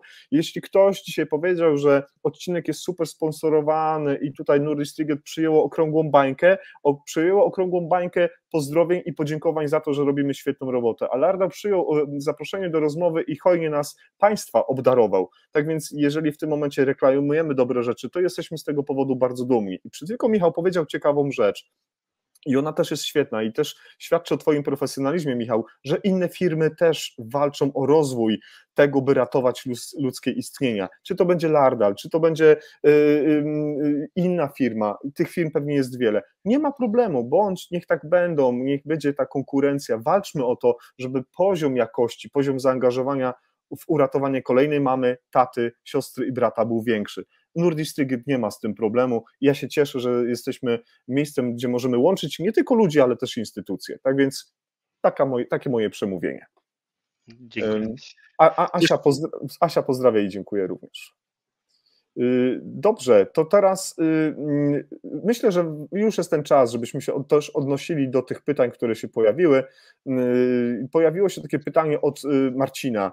E, Wojcieszaka, którego bardzo serdecznie pozdrawiamy. E, już Marcinie poświęcam Tobie uwagę należytą, Tobie jakże, bo też jesteś człowiekiem, który bardzo wiele robi dla naszego świata medycznego i utrzymania przede wszystkim jakości, o której już tak dużo żeśmy rozmawiali w rozmowie z Tobą, w Lucas Felcher, w NT Live, do odcinka, którego zapraszam. I padło pytanie właśnie, to chyba o, o tej inteligencji sztucznej, jakże, e, której, którego autorem jest właśnie Marcin. Czy Lardal planuje wypuścić fantomy ze, e, ze sztuczną inteligencją, z tym całym e, programem czy oprzyrządowaniem? Troszkę do tego się odniosłem, ale prace trwają, z tego co mogę powiedzieć, nad rozszerzeniem portfolio sprzętów, które poprzez komputer, poprzez technologię mają wspierać nauczanie. Na pewno one nie zastąpią już klasycznych teraz związanych tam fantomów czy, czy, czy pracy ze standaryzowanym pacjentem, ale mają uzupełniać to wszystko, więc gotowe scenariusze, które są już przygotowywane, gdzie student czy później już po po dyplomie osoba chcąca podnieść swoje kompetencje siada do komputera, ma już możliwe e, oprogramowania związane co prawda dopiero z pielęgniarstwem w Stanach Zjednoczonych, ale mam nadzieję, że szybko zostanie to przeszczepione na grunt europejski. E, scenariusze związane z postępowaniem z pacjentem, gdzie klikając na odpowiednie e, odpowiedzi, bądź mówiąc, zadając pytania, system prowadzi nas odpowiednią ścieżką, którą wybierzemy. Czyli tak jak mm, w modnych, interaktywnych y, grach, czy, czy, czy nieraz już teraz firmach, to my decydujemy poprzez nasze działania, w którą stronę cały scenariusz się pojawi. Jest to, jest to system wspierany przez sztuczną inteligencję, może nie jeszcze w tym wymiarze pojmowaną, jak, jak e, pełny silnik, który sam e, potrafi już teraz, czytałem ostatnio, pisać wiersze czy tworzyć utwory medyczne, utwory muzyczne, ale jest to na pewno przyczynek do tego, żeby tą sztuczną inteligencję włączać w tworzenie e, i odpowiednie dobieranie scenariusza podczas, podczas ćwiczeń ze studentem. Więc tak na pewno w tą stronę będzie szło. Już na pewno są pierwsze kroki w, tym, w, tym, w, tym, w, tym, w tej materii czynione. Mhm. Bardzo, bardzo dziękujemy. Marcin, dziękuję za pytanie, dziękuję za obecność, dziękuję za wsparcie dzisiejszego odcinka, zarówno swoją osobą, mądrym słowem, przemyśleniami i udostępnieniem informacji na naszym, y, na twoi, w Twoich y, kanałach społecznościowych. Pani Zofia y, Tekień-Jankowska, którą bardzo ciepło pozdrawiam. Chyba nie pierwszy raz Pani Zofio jest Pani z nami. Pani Zofia napisała bardzo ładny komentarz. Jeśli chodzi o symulatory, warto też wspomnieć o Nursing On. Świetny i bardzo realistyczny. No to oddaję głos Michałowi, bo chyba to będzie najlepiej. Nursing On to jest tak naprawdę gama dwóch produktów e, Fantomu takiego do umiejętności, do ćwiczenia umiejętności pielęgniarskich, ale tutaj na pewno na pierwsze tory wysunął się nasz produkt całkiem niedawno, jeden z najświeższych symulatorów, czyli Nursing Can Simulator Phantom, który powstał przy współpracy z pielęgniarkami. Jest to symulator tworzony przez pielęgniarki dla pielęgniarek. Właśnie tu widzimy na tym, co Jacek użyczył nam e, w filmiku.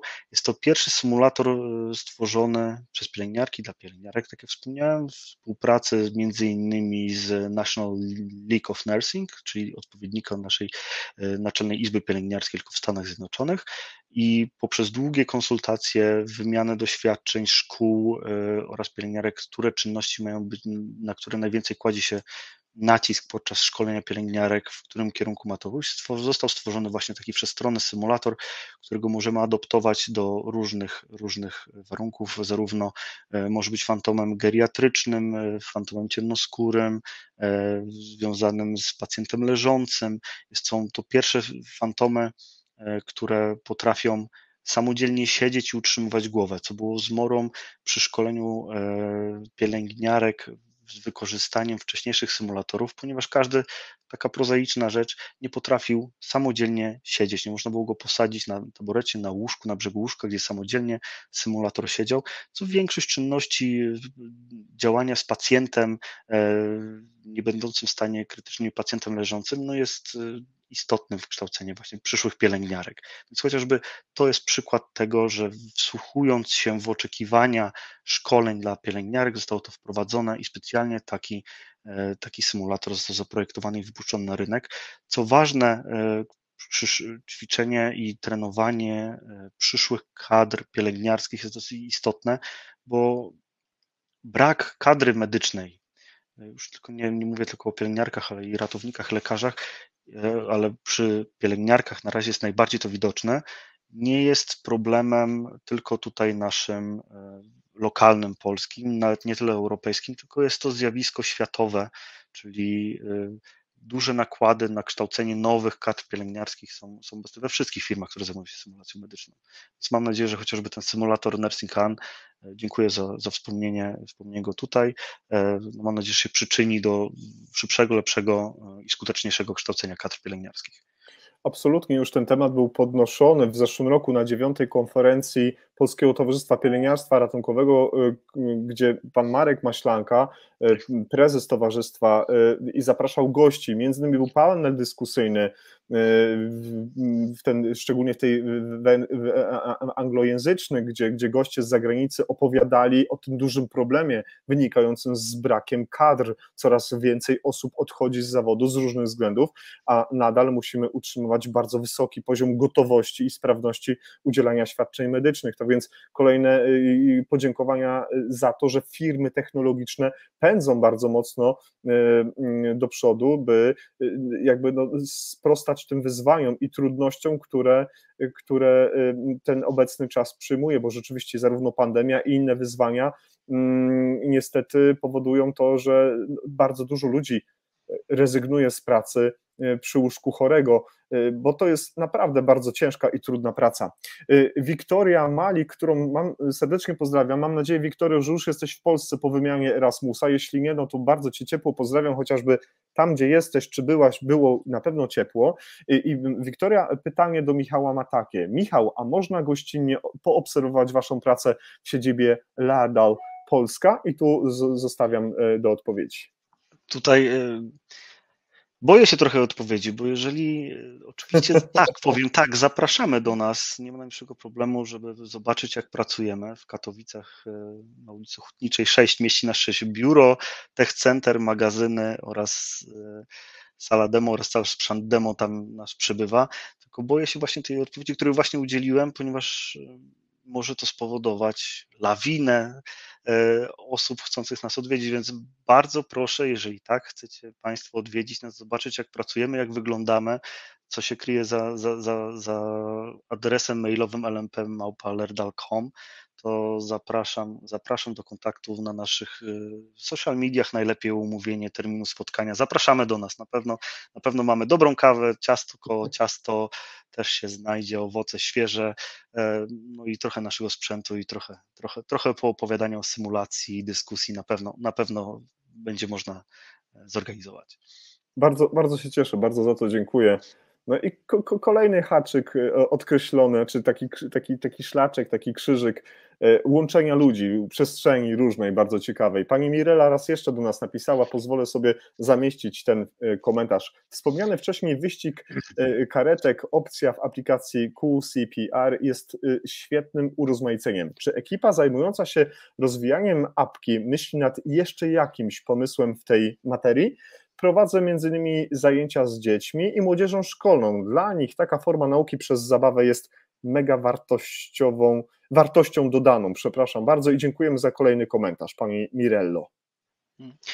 Dziękuję Pani Mirello. Aplikacja QCPR cały czas jest rozwijana. Tak naprawdę to nie jest już jedna aplikacja, tylko szereg, e, szereg programów dostępnych na różne platformy e, urządzeń mobilnych i stacjonarnych. E, jeżeli chodzi o sam tą aspekt gamifikacji, póki co jest dostępne jedyne te karetki. E, pracowane, opracowywane są teraz e, metody e, trochę bardziej zaawansowane, chociażby udoskonalenie naszej aplikacji Team Reporter, która oprócz tego, że służy raportowaniu jakości działania z Fantomem, jest również aplikacja, wygląda w ten sposób, że urządzenie mobilne, na którym zarejestrowana aplikacja, ma włączoną kamerę oraz rejestruje dźwięk i nakierowana przez instruktora na osoby ćwiczące z Fantomem, oprócz jakości uciskania klatki piersiowej, wentylacji oraz podłączenia defibrylatora zewnętrznego, E, automatycznego i ćwiczenie wszystkich procedur, rejestruje ruchy całego, całej grupy, teamu, rozpoznaje te osoby i daje feedback, pomaga dawać feedback w procesie debriefingu po zakończeniu, czyli cały ten team leading, całe działanie grupowe, zespołowe w tym całym, w tej, w tej, w tej całej, w całym treningu. W tym kierunku idzie rozwój chociażby jednej z gałęzi tych aplikacji. Drugą to jest u unowocześnienie i dopracowanie aplikacji i szeregu e, takiego, mm, takiego ruchu, który nosi bardzo dźwięczną nazwę Anywhere, czyli e, publicznego mm, dostępu do fantomów e, z QCPR-em na model defibrylatorów AED. W niektórych miejscach na świecie było testowane, będzie testowane.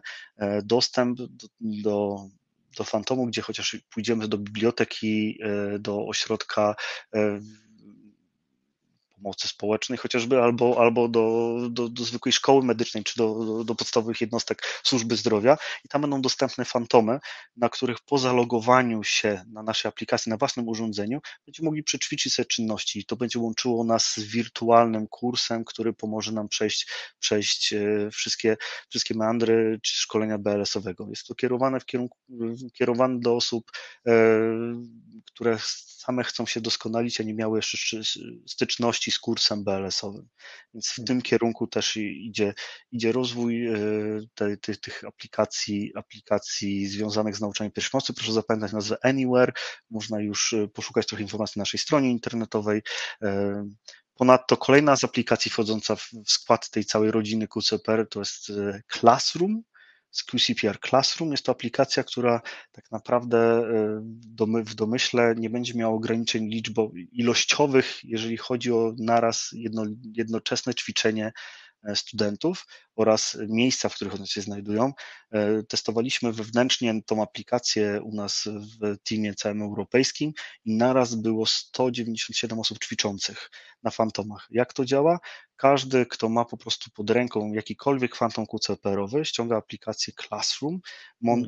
loguje się do, łączy się do fantomu i instruktor, który może być na drugiej stronie świata, podaje kod po prostu dostępu do do takiej klasy, do takiego kursu, gdzie może przeprowadzić wstępny wykład oraz widzi ten instruktor zbierane dane z każdego tego fantomu na całym świecie dookoła. Więc tak jak mówię, testowaliśmy na razie 197 osób, skutecznie ćwiczyło naraz.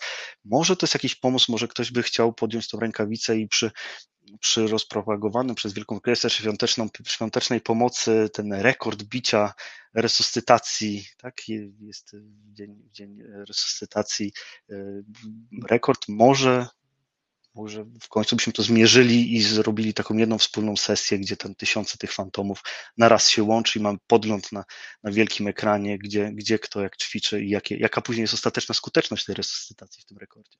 No tak, bo, bo, bo ten, bo, bo, ten, bo ten feedback, feedback, przepraszam, jest dla nas bardzo ważny, prawda? To co, to, co robimy, to, co wyprawiamy z tymi naszymi kursantami i faktycznie y, ten 16 października każdego roku, ten Europejski Dzień y, y, Wykonywania Czynności Ratujących Życie, i to nie tych super zaawansowanych, tych podstawowych, bo to jest filar Y, droga, y, y, pierwsze, pierwsze drzwi do tego, by zwiększyć szanse na przeżycie naszym pacjentom. Tak więc dbajmy o BLS, dbajmy o jego wysoką jakość, bo czasami mam wrażenie, że trochę zapominamy o podstawach i za szybko chcemy gdzieś tam do przodu, więc, więc, więc to jest ogromnie ważne. Pojawiło się pytanie i, i, i od Paramedic Polan, od Krzysia Kotlińskiego. Krzysztof, fajnie, że jesteś dzisiaj z nami po raz kolejny współorganizujesz dzisiejsze wydarzenie. Zanim podam te, to pytanie, to poproszę Ciebie, Michale, może Pan Bartek, może Pani Ania, y, użyłeś kilku trudnych wyrazów, określeń, zwrotów, linki, Mogli, moglibyśmy to później u, u, udostępnić, uzupełnić absolutnie, te informacje? Absolutnie tak. Y, będzie to bardziej uporządkowane, może bardziej czytelne na naszych widzów i słuchaczy, chociaż większość osób tutaj świetnie sobie z tym radzi, chociaż chciałbym, żeby te, te, te, ta wartość dodana, jakim jest materiał, jakim jest content, y, mm, linkowy, fachowy był zaznaczony. I, I Krzysiu Kotliński wcześniej, już jakąś chwilę temu, nie wiem czy Krzysztof jeszcze jesteś z nami, daj znać w komentarzu, y, napisał mm, takie pytanie. Pneumotorax trainer, trenażer do nauki dekompresji igłowej u osób dorosłych y, to jest, a czy taki trenażer do procedury finger torakostomy szykuje firma Lardal. I to takie bardziej pytanie niż stwierdzenie kierują, kieruję do Michała i do wszystkich, którym ten temat jest bardzo bliski. E, mamy w naszej, w naszej ofercie nie tylko sprzęty lardalowskie, ponieważ tak jak wspomniałem, współpracujemy z różnymi firmami. Jedną z nich jest firma brytyjska Limp Things z siedzibą w Bristolu, robiąca kawał do, dobrej roboty. Mamy wspólne projekty, chociażby symulatory porodowe to jest e, kombinacja, właśnie doświadczenie e, tych dwóch firm, czyli Limpent i Lerdala i w, i w, w ofercie naszej jest Phantom właśnie Limpentix, który nazywa się Chest Drain. Jest to Phantom, który przewiduje właśnie taką palcową dekompresję. Zachęcam, e, zaraz może Ania albo Bartku, jakbyś, jakbyście mogli podkleić link do, do, do tego produktu, to to, to będzie ułatwienie. Mam nadzieję, że będzie to też odpowiedź na to pytanie. Jedną z wkładek tych zaawansowanych, raz, że można używać do, do wykonywania procedur po, przy, przy podglądzie USG, przy współpracy mhm. z ultrasonografem, to tak można też używać tej palcowej kompresji. Bardzo, bardzo się cieszę, bardzo dziękuję. I, i, I, widzicie Państwo, i znowu y, patrzmy szerzej.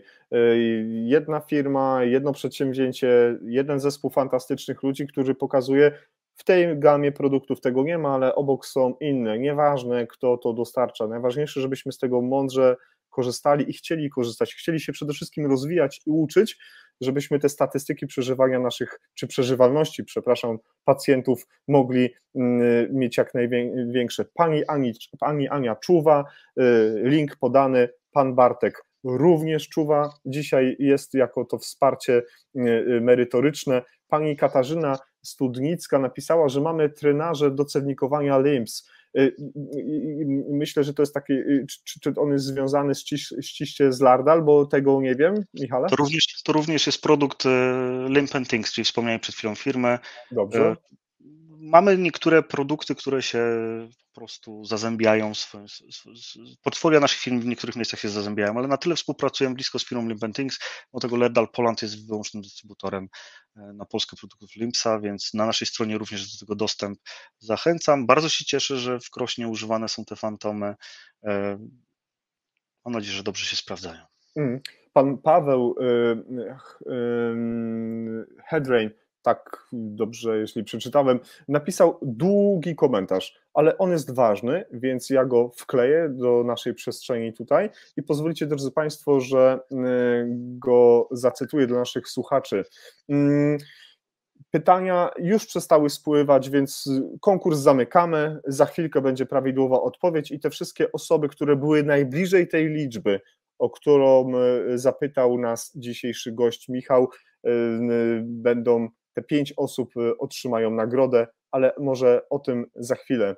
Y, I pan Paweł napisał: Każdy z nas może być potencjalnym pacjentem i możemy wymagać pomocy, i najistotniejsze jest w tym to, by jak najwięcej ludzi szkoliło się na manekinach i stymulatorach udzielać pierwszej pomocy, czy to na poziomie BLS, czy zaawansowane przedszpitalne ALS, EPALS, ITLS, czy wewnątrzszpitalne zabiegi, by uniknąć ewentualnych błędów, bo im więcej potu na szkoleniach i ćwiczeniach, tym więcej dobra i istnień uratowanych, bo każde życie jest warte y, y, by podjąć trud, i ćwi, trud ćwiczeń i szkoleń na symulatorach by się doskonalić. Podpisujemy się pod tym bardzo, ja bardzo mocno. Mam nadzieję, że Michał również, ale to jest y, takie y, podchwytliwe trochę moje.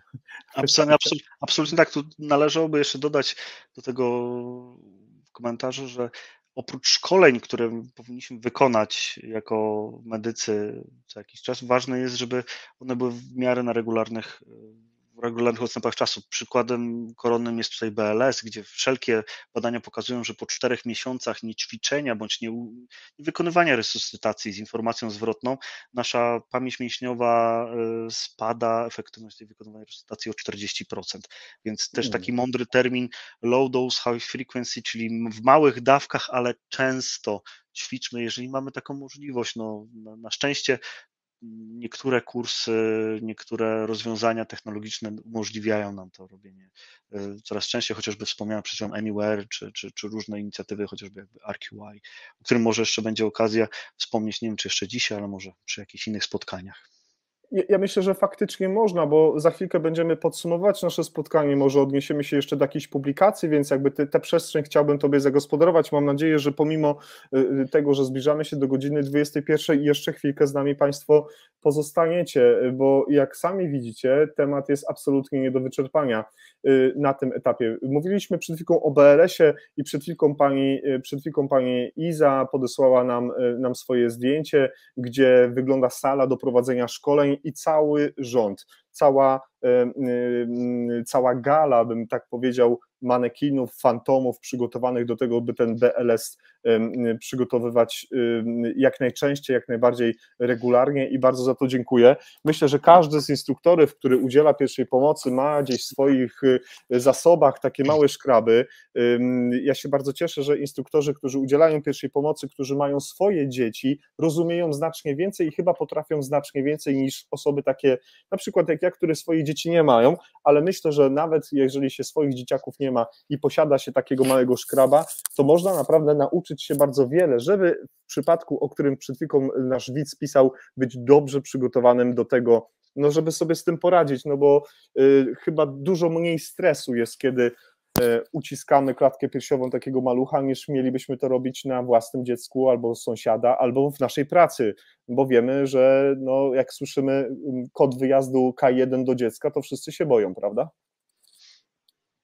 Absolutnie tak.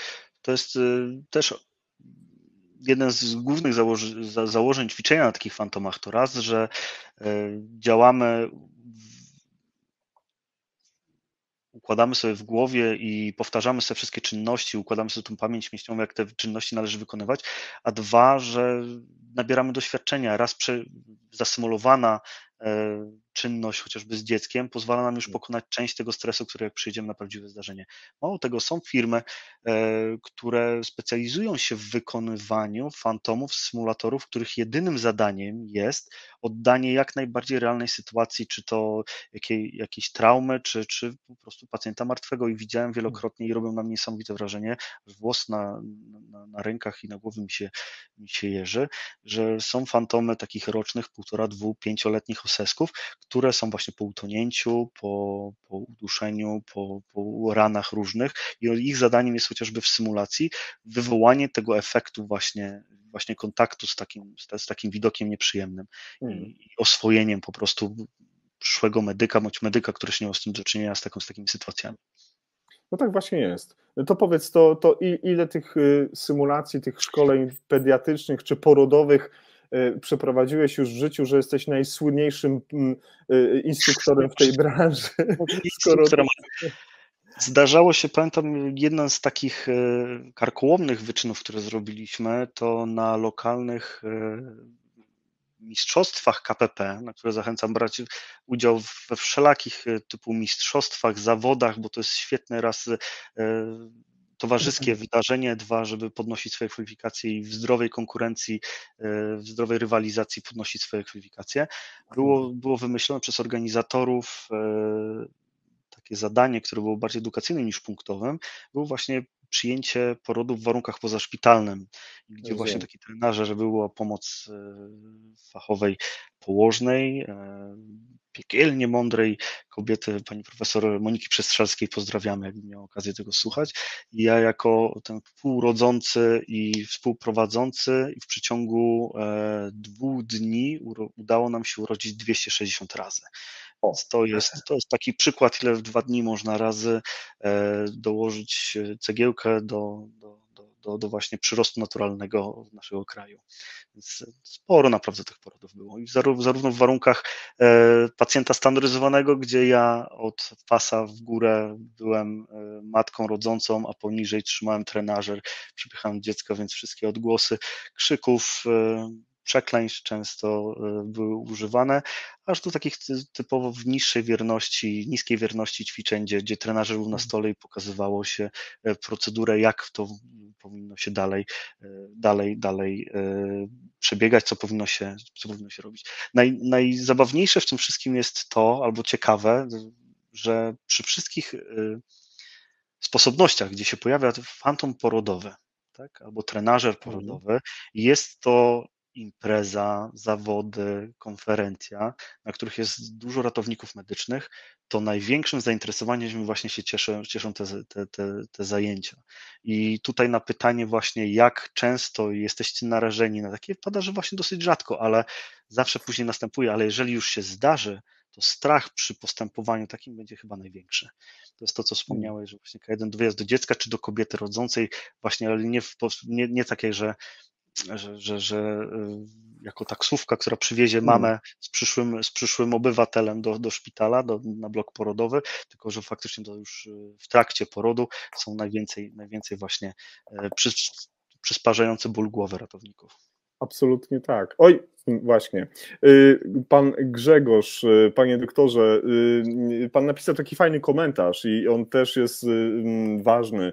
Nigdy nie widziałem symulatora z plamami opadowymi, no bo rzeczywiście, jak się pierwszy raz widzi ludzkie zwłoki, które już są na takim etapie, gdzie te plamy się pojawiają, to to robi wrażenie. No to może znowu rzucanie rękawicy do, do, do, do, do osób, które się tym zajmują. Zostawiam do Twojego skomentowania, e, Michale. Panie Grzegorzu, już sobie notuję, obiecuję, że po zakończonym odnajdę firmę, to jest firma amerykańska, która produkuje te fantomy i wkleję link bezpośrednio do tych produktów pod, pod tym naszym właśnie y, dzisiejszym spotkaniem. Będzie tam dostępny, będzie można zobaczyć. Są na pewno fantomy, które, które y, pokazują plamy opadowe. Mhm. Bardzo za to dziękujemy. Drodzy Państwo, czekamy na y, jeszcze pytania, czekamy na komentarze. Korzystajcie z tego czasu, że tak naprawdę jest y, Michał, jest pani e, Ania, jest pan Bartek. Y, no jest cała ekipa bardzo życzliwych ludzi, którzy piszą ciekawe komentarze. Jest z nami nadal Adam Ubych. Istotne jest to, mm, że fantom do drenażu pozwala na ocenę wcześniejszą klatki USG i potwierdzenia obecności płynu, no to to jest skarb w takiej klinicznej już pracy. Michale, zgodzisz się z tak. Adamem, prawda?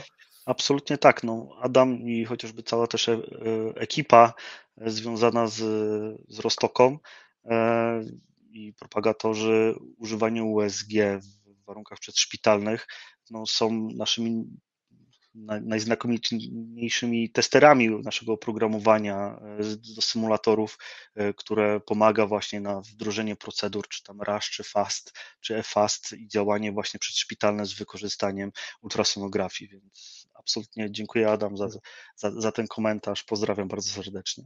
Tak, Ciebie i całą ratunkową e, w Rostoce, naszego partnera, zespół, który jest, i Karol, i Przemek, i Adam, i Karolina, i Łukasz, ja raz jeszcze dziękuję za to, że e, Nurdistriget mogło być e, u Was tam w pięknym miejscu.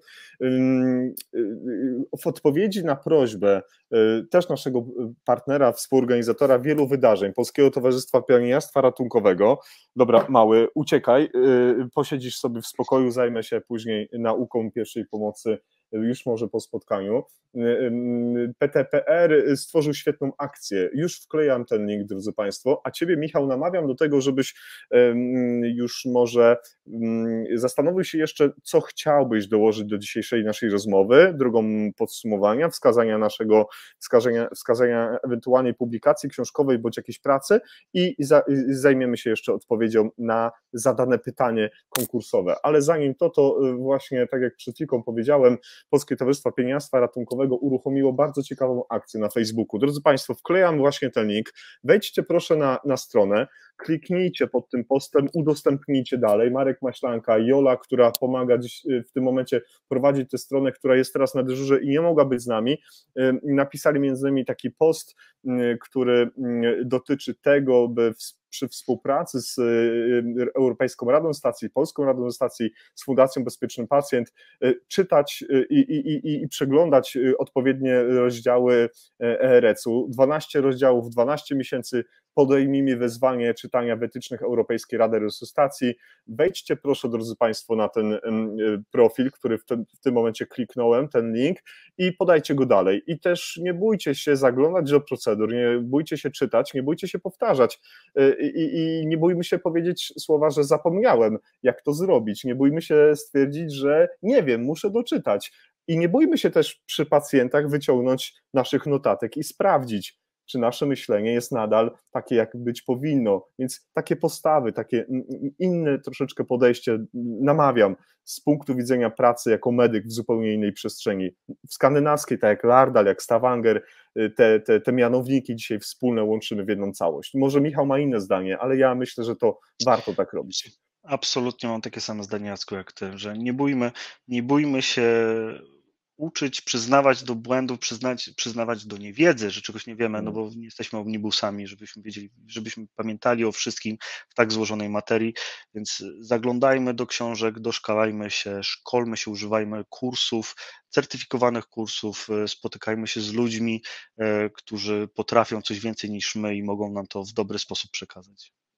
Pa, pa, Paweł, dzięki, że czuwasz. No, no, tak, żeśmy rozmawiali ostatnio. Paweł zadzwonił do mnie z domu prywatnego, ja byłem w karetce i Paweł chciał usłyszeć na temat procedur naszych y, checklist, wytycznych, które są ujęte w odpowiednim programie komputerowym y, I, i, i Paweł to też zrobił gdzieś tam w wolnym dla siebie czasie, gdzie tam chłopaki z jego domu, y, dzieci, obowiązki, zajmowały jego uwagę, ale jednak poświęca swoją uwagę i czas i Paweł raz jeszcze chylę czoła przed tym, co żeś przywiózł z sobą y, z, y, z międzynarodowych ćwiczeń y, ratownictwa z południa Polski.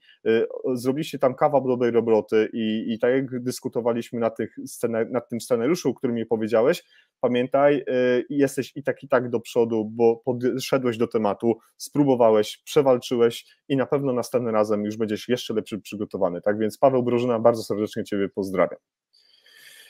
No dobrze, no to y, y, słucham teraz, panie Michale, y, odpowiedź na to pytanie. Tylko tak, jest 21.08, już od 20.45-48 nie przyjmujemy odpowiedzi, więc to tak czy inaczej już nie, nie zadziała. Słucham, jaka jest odpowiedź na zadane wcześniej pytanie.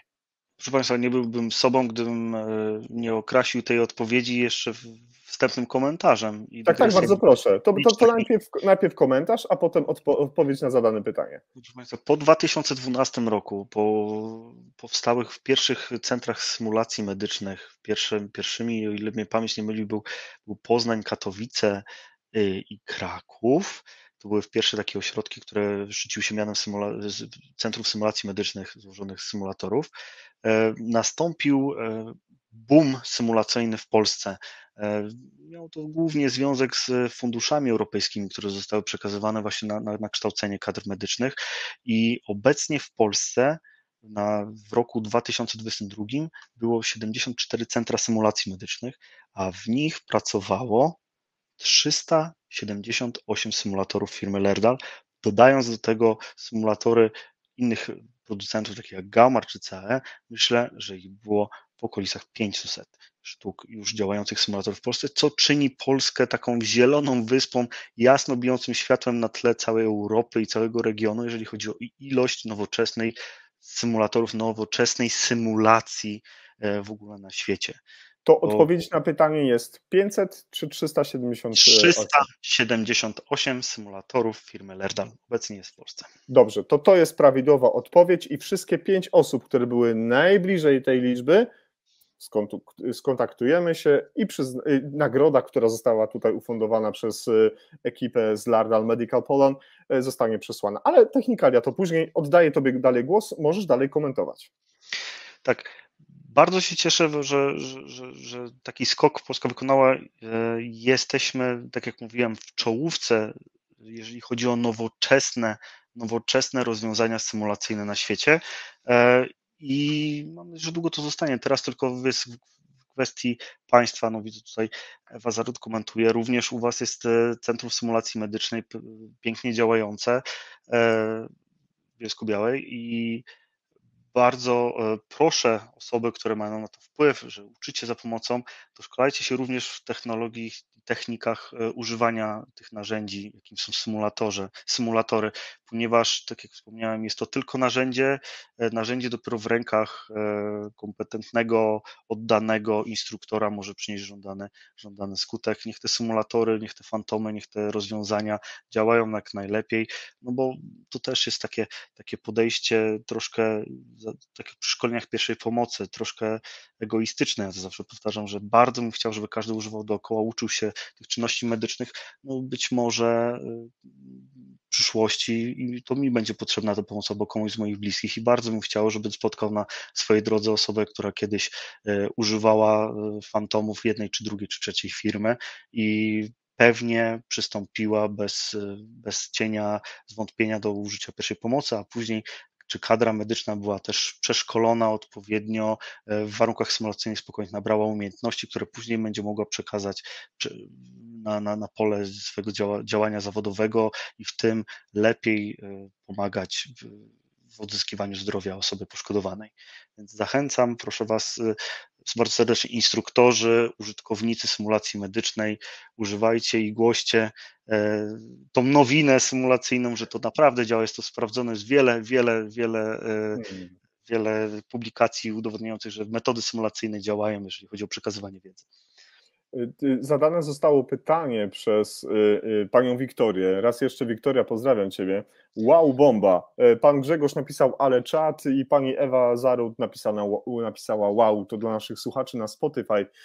I pani Wiktoria zadała pytanie, czy monitorujecie ilość i lokalizację ośrodków, gdzie używa się waszego sprzętu? E, tak. Monitorowanie to odbywa się w dwojaki sposób. Po pierwsze, wszystkie ośrodki symulacyjne to ja nie lubię używać słowa, że to są klienci, którzy używają naszego sprzętu, tylko są partnerzy, bo tak jak mówię, dostarczamy nie fantom w pudełku, lalkę, która ma służyć, tylko po prostu cały typ rozwiązania oraz całe nasze wsparcie i staramy się dzielić naszą wiedzą bądź kontaktować osoby, które tą wiedzę, którą my akurat nie mamy, na ten moment y, posiadają i, i potrafią odpowiedzieć na frapujące pytania. Więc utrzymujemy kontakt stale ze wszystkimi, którzy używają naszych fantomów, symulatorów. Wiemy, gdzie one są, wiemy, jak pracują. Nasz cały dział techniczny, nasi technicy są do dyspozycji, odpowiadają szybko, mam nadzieję, i, i sprawnie na wszystkie wezwania, więc nasze fantomy są pod opieką, więc wiemy, gdzie są. Mało tego, w dzisiejszych czasach wszystkie symulatory, które są pod podłączone do sieci internetowej, używają naszych e, aplikacji. Przy instalowaniu sprzętu użytkownik wyraża zgodę na przekazywanie danych i takie dane bez danych osobowych, ale z, czy, czy lokalizacyjnych w pełni o użytkowaniu, ilości użytkowaniu i sposobu użytkowaniu są zbierane na naszych serwerach. Więc w ten sposób również ten bardzo, bardzo nowoczesny i technologiczny też zbieramy informacje o używaniu naszego sprzętu. Ju, już to odpowiedział na tak, tak, tak, tak. I, i, już jestem, zaczytałem się, bo y, Alex Hepter napisał, że mam sprawdzić maila. Już y, Alex sprawdzę to y, bezzwłocznie, żeby tu nie było jakiegoś fopa popełnionego. A ja jeszcze tylko, drodzy Państwo, obiecałem Fundacji Mocniej na starcie, że prześlemy link w sprawie aukcji na rzecz WOŚP różowego ultrasonografu pomalowanego w piękny sposób. Dziewczyny, panie drogie dzisiaj, które przeczytały o tym, o, tej, o, o tym USG na naszym profilu, z zachwytu nie mogły wyjść, tak więc wszystkie te osoby, które mają ochotę i chrapkę na różowy ultrasonograf, wejdźcie proszę na ten profil i, i przynajmniej podajcie dalej. Jeżeli nie będzie możliwości go y, zakupić y, samemu do domu, żeby mieć i trenować, no to może chociaż y, uda się przekazać informację, a nuż może jakiś, jakaś placówka edukacyjna, a może szpital zakupi taki aparat. Wiktoria pozdrawia. Kolejny dobry materiał przygotowany przez Entelife i przy współpracy bardzo dobrych gości którzy są z nami. Bardzo serdecznie za to też mm, dziękujemy. Zajrzyjcie, drodzy Państwo, na stronę internetową Fundacji Mocniej na Starcie. Przypominam raz jeszcze 378 urządzeń, które y, y, są sygnowane y, logiem firmy Lardal, czyli Simman, Simom, Sim Junior, Sim Bobby, Sim New B, żeby już tak po angielsku i w ogóle. Exactly. exactly. exactly. Jest ich 378. Y, y, konkurs zamykamy. Y, sprawdzimy, czy osoby, które wysłały odpowiedzi, się uśmiechały przez cały, przez ostatnie kilka dni. No dobrze, ja myślę, że to, co ja chciałem dzisiaj, drodzy Państwo, o co zapytać naszego gościa, to już zapytałem. Teraz jeszcze y, może odwołasz nas do jakiejś publikacji, może jakaś procedura, może jakieś wytyczne, może coś chciałbyś nam zaproponować do wieczornej y, poduszki, ewentualnie może jakieś ciekawostki, o których jeszcze dzisiaj nie powiedzieliśmy, chciałbyś jeszcze przytoczyć. Bardzo proszę. E, tak, proszę Państwa, chciałbym zachęcić wszystkich, bo to trochę spina klamrą to, co, to, co dzisiaj z Jackiem rozmawialiśmy, e, a pewnie nie mieliśmy aż tyle czasu, e, żeby wybrzmiało wszystko, zachęcam Państwa do sięgnięcia po publikację. Jest to publikacja Lerdala zatytułowana One Million Lives, która to tyczy się bezpośrednio naszego celu do, do roku 2030 roku, czyli uratowania rocznie o milion żyć więcej. Taki tom zawiera, jest cała metodologia liczenia tego wszystkie cele, wszystkie związane. Broń Boże, nie jest to katalog części symulatorów i materiałów reklamowych związanych z firmą, tylko przedstawienie całego, całej idei ratowania większej ilości żyć, e, do której państwo, czyli osoby związane ze środowiskiem medycznym i, i nauczaniem mogą się prostej linii przyczynić.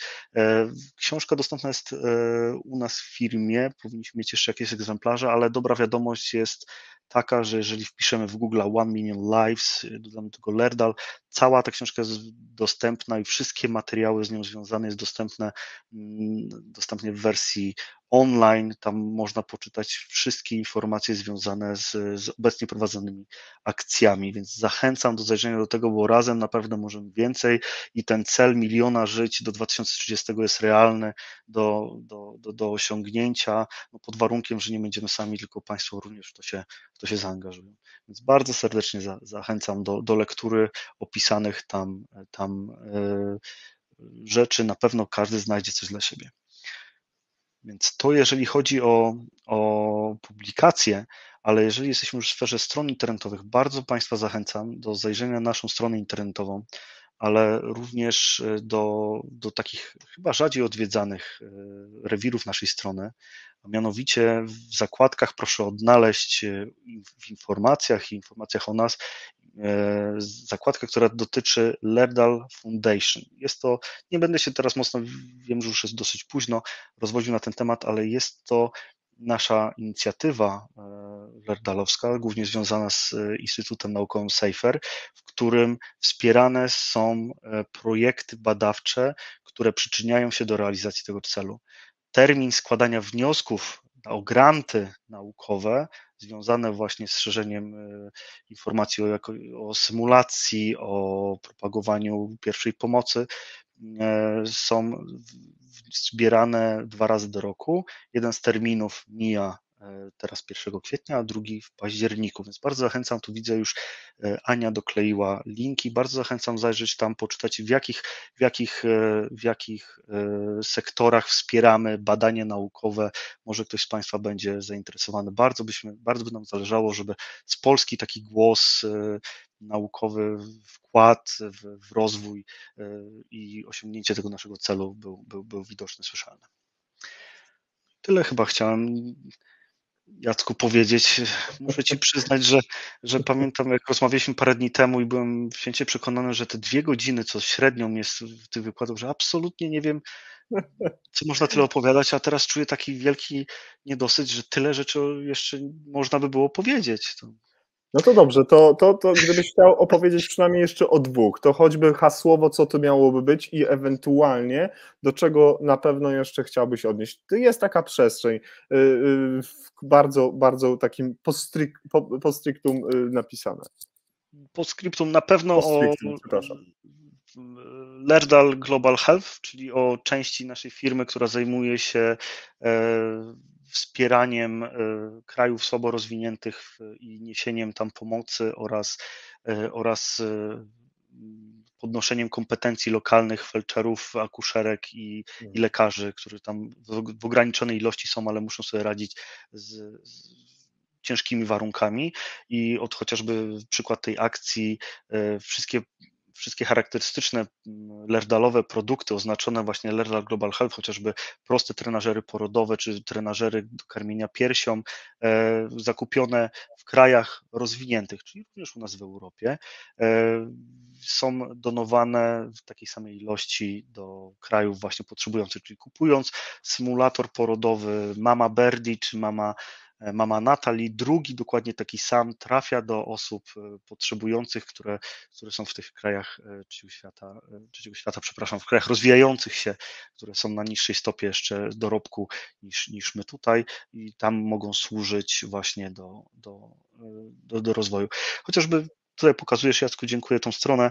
Jest parę takich produktów, które póki co nie występują w Europie, ale świetnie, myślę, mogą być przeszczepione, chociażby proste opaski zakładane na brzuch noworodka, które po prostu monitorują tętno takiego dziecka i oddechy, tak, czy wszystko jest w porządku i zapalają się. Wiadomo, u nas na oddziale, na bloku porodowym jest i pulsoksymetria, i są specjalne monitorujące maty, i są e, promienniki, inkubatory. To wszystko mam w miejscach, w których tego nie ma. Musimy radzić, e, osoby tam będące muszą radzić sobie inaczej, chociażby za pomocą takich, takich urządzeń. E, resuscytatory pionowe, szereg produ produktów szkoleniowych, tak jak mówię, trenażery piersi do nauki karmienia, do działania ze wcześniakami, do resuscytacji e, noworodków, do działania. To naprawdę Global, Ledal Global Health robi, robi niesamowitą robotę. Oraz jeszcze jedną informacją, którą, którą chciałem się podzielić, to jest e, połączenie e, całości inicjatyw pod wspólnym logo Lerdala, czyli LED, tak sumując już to wszystko, czyli Lerdal, Lerdal Medical, czyli produkty, symulacja, sprzęt ratowniczy, Lerdal Global Health oraz Lerdal Foundation, zebrane właśnie pod logiem tylko Lerdal One Million Lives. E, zachęcam do odnalezienia tych haseł w internecie, tutaj linki będą powklejane, zapoznanie się z tego i, i kojarzeniem nas nie tylko jako dostawcę sprzętu medycznego, ale naprawdę z, z firmą i z osobami, które chcą coś, coś zrobić więcej e, dla, dla tego świata i osiągnąć ten cel. Mam nadzieję, że tak jak wspomniałem już dzisiaj, po raz kolejny to powtórzę, że razem, razem z Wami, razem z uczestnikami nam się to uda. Może no szybciej niż w 2030 roku. No. Y, mamy taki świetny, fantastyczny kontakt z pewnymi widzami y, i słuchaczami, widzkami i słuchaczkami, bo to też jest ważne dla, dla wie, y, wielu osób, że dobrze jest czasami zostawić z, taką, mm, z takim niedosytem naszych widzów, naszych słuchaczy, po to, żeby, no właśnie, zatęsknić do tych treści, zajrzeć do nich, poszperać samemu, albo po prostu napisać maila do Michała Żyły, czy, czy do pani Ani, czy do pana Bartka i poprosić y, y, o informację, o, o coś, co nam umknęło, e, ale nie ma problemu, drodzy Państwo, bo jesteśmy na YouTubie i tam można dodać subskrypcję, jesteśmy na Facebooku i tam to już zostało zapisane i jesteśmy też na Spotify. Adam Ubych ostatnio mówił, że on czasami nie może oglądać, ale jak już na drugi dzień jedzie do pracy, do Centrum Symulacji, to kawa i, i, i ze Spotify leci Nordic Styget, tak więc y, live. Tak więc y, proponuję, żeby tam zaglądać i, i, cieszyć się też y, z takiego technicznego, z takiego supportu wynikającego z zapisu rozmowy. Tak więc to dla tych wszystkich, którzy tęsknią już nam w momencie, kiedy musimy się z Państwem rozstać. To co, drogi Michale, y, chyba naszą rozmowę o mm, y, Lardal, y, o tej pięknej koncepcji ratowania życia i też nazwy miejscowości, bo o tym nie powiedzieliśmy. Jedna z miejscowości, tak. przy których jest najdłuższy tunel w tym momencie, ponad 30 kilometrów, bardzo ładnie skonstruowany w wprowadzony w skałę i poprowadzony. Myślę, że no choćby na jakimś y, y, skromnym etapie mamy ten temat wyczerpany. Tak myślę. Jak też myślę. Może kiedyś, jak, jak już będzie taka możliwość, umówimy się na jeszcze spotkanie i do, odnotujemy to, co nie zostało powiedziane i wtedy się dopowie. Ale to już pieśń przyszłości i zostawiam to w Twoich rękach. Absolutnie. Już od dzisiaj zarówno Pani Ania, Pan Bartek, Ty Michale i cała ekipa macie drzwi otwarte do Nordic Life i do tych wszystkich wspaniałych widzów i słuchaczy, którzy pisali do nas już właśnie, że się wymieniają pomysłami, że się dzieją ciekawe rzeczy, że, że, że, że, że, że no po prostu to wszystko żyje. Zapraszam Cię, drogi Michale, zajrzyj do tych komentarzy, napisz, niech się Pani Ania też tam, widzę, bardzo mocno czuwa na tym, żeby to wszystko przebiegało jak należy, a Państwo wy, wy, wy korzystajcie z tej wiedzy i z tych gości, którzy, których Wam dostarczamy, ale nic bez Was by się nie wydarzyło, więc zachęcamy do wspierania naszych projektów. Y, dziękujemy Pani Katarzyno, brawo dla Pana Michała, dla Michała, brawo Ladal, y, dziękuję za miły wieczór, tak więc myślę, że to chyba y, możliwe najlepsze podsumowanie z dzisiejszego spotkania.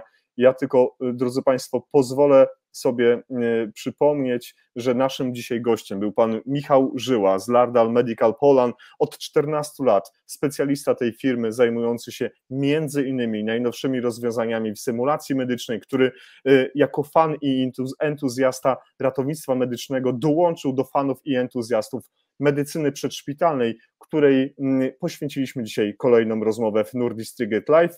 Ja nazywam się Jacek Borowiak, było mi niezmiernie miło i już niebawem na naszej antenie, drodzy Państwo, dowiecie się, kto będzie kolejnym gościem w naszej bardzo fajnej audycji. Kłaniamy się wszystkim. Do zobaczenia. Do zobaczenia. Wszystkiego dobrego. Wszystkiego dobrego. Bądźcie, drodzy Państwo, zdrowi, uważajcie na siebie i cokolwiek robicie, pamiętajcie, dużo się uśmiechajcie, bo my to naprawdę sprawdzimy.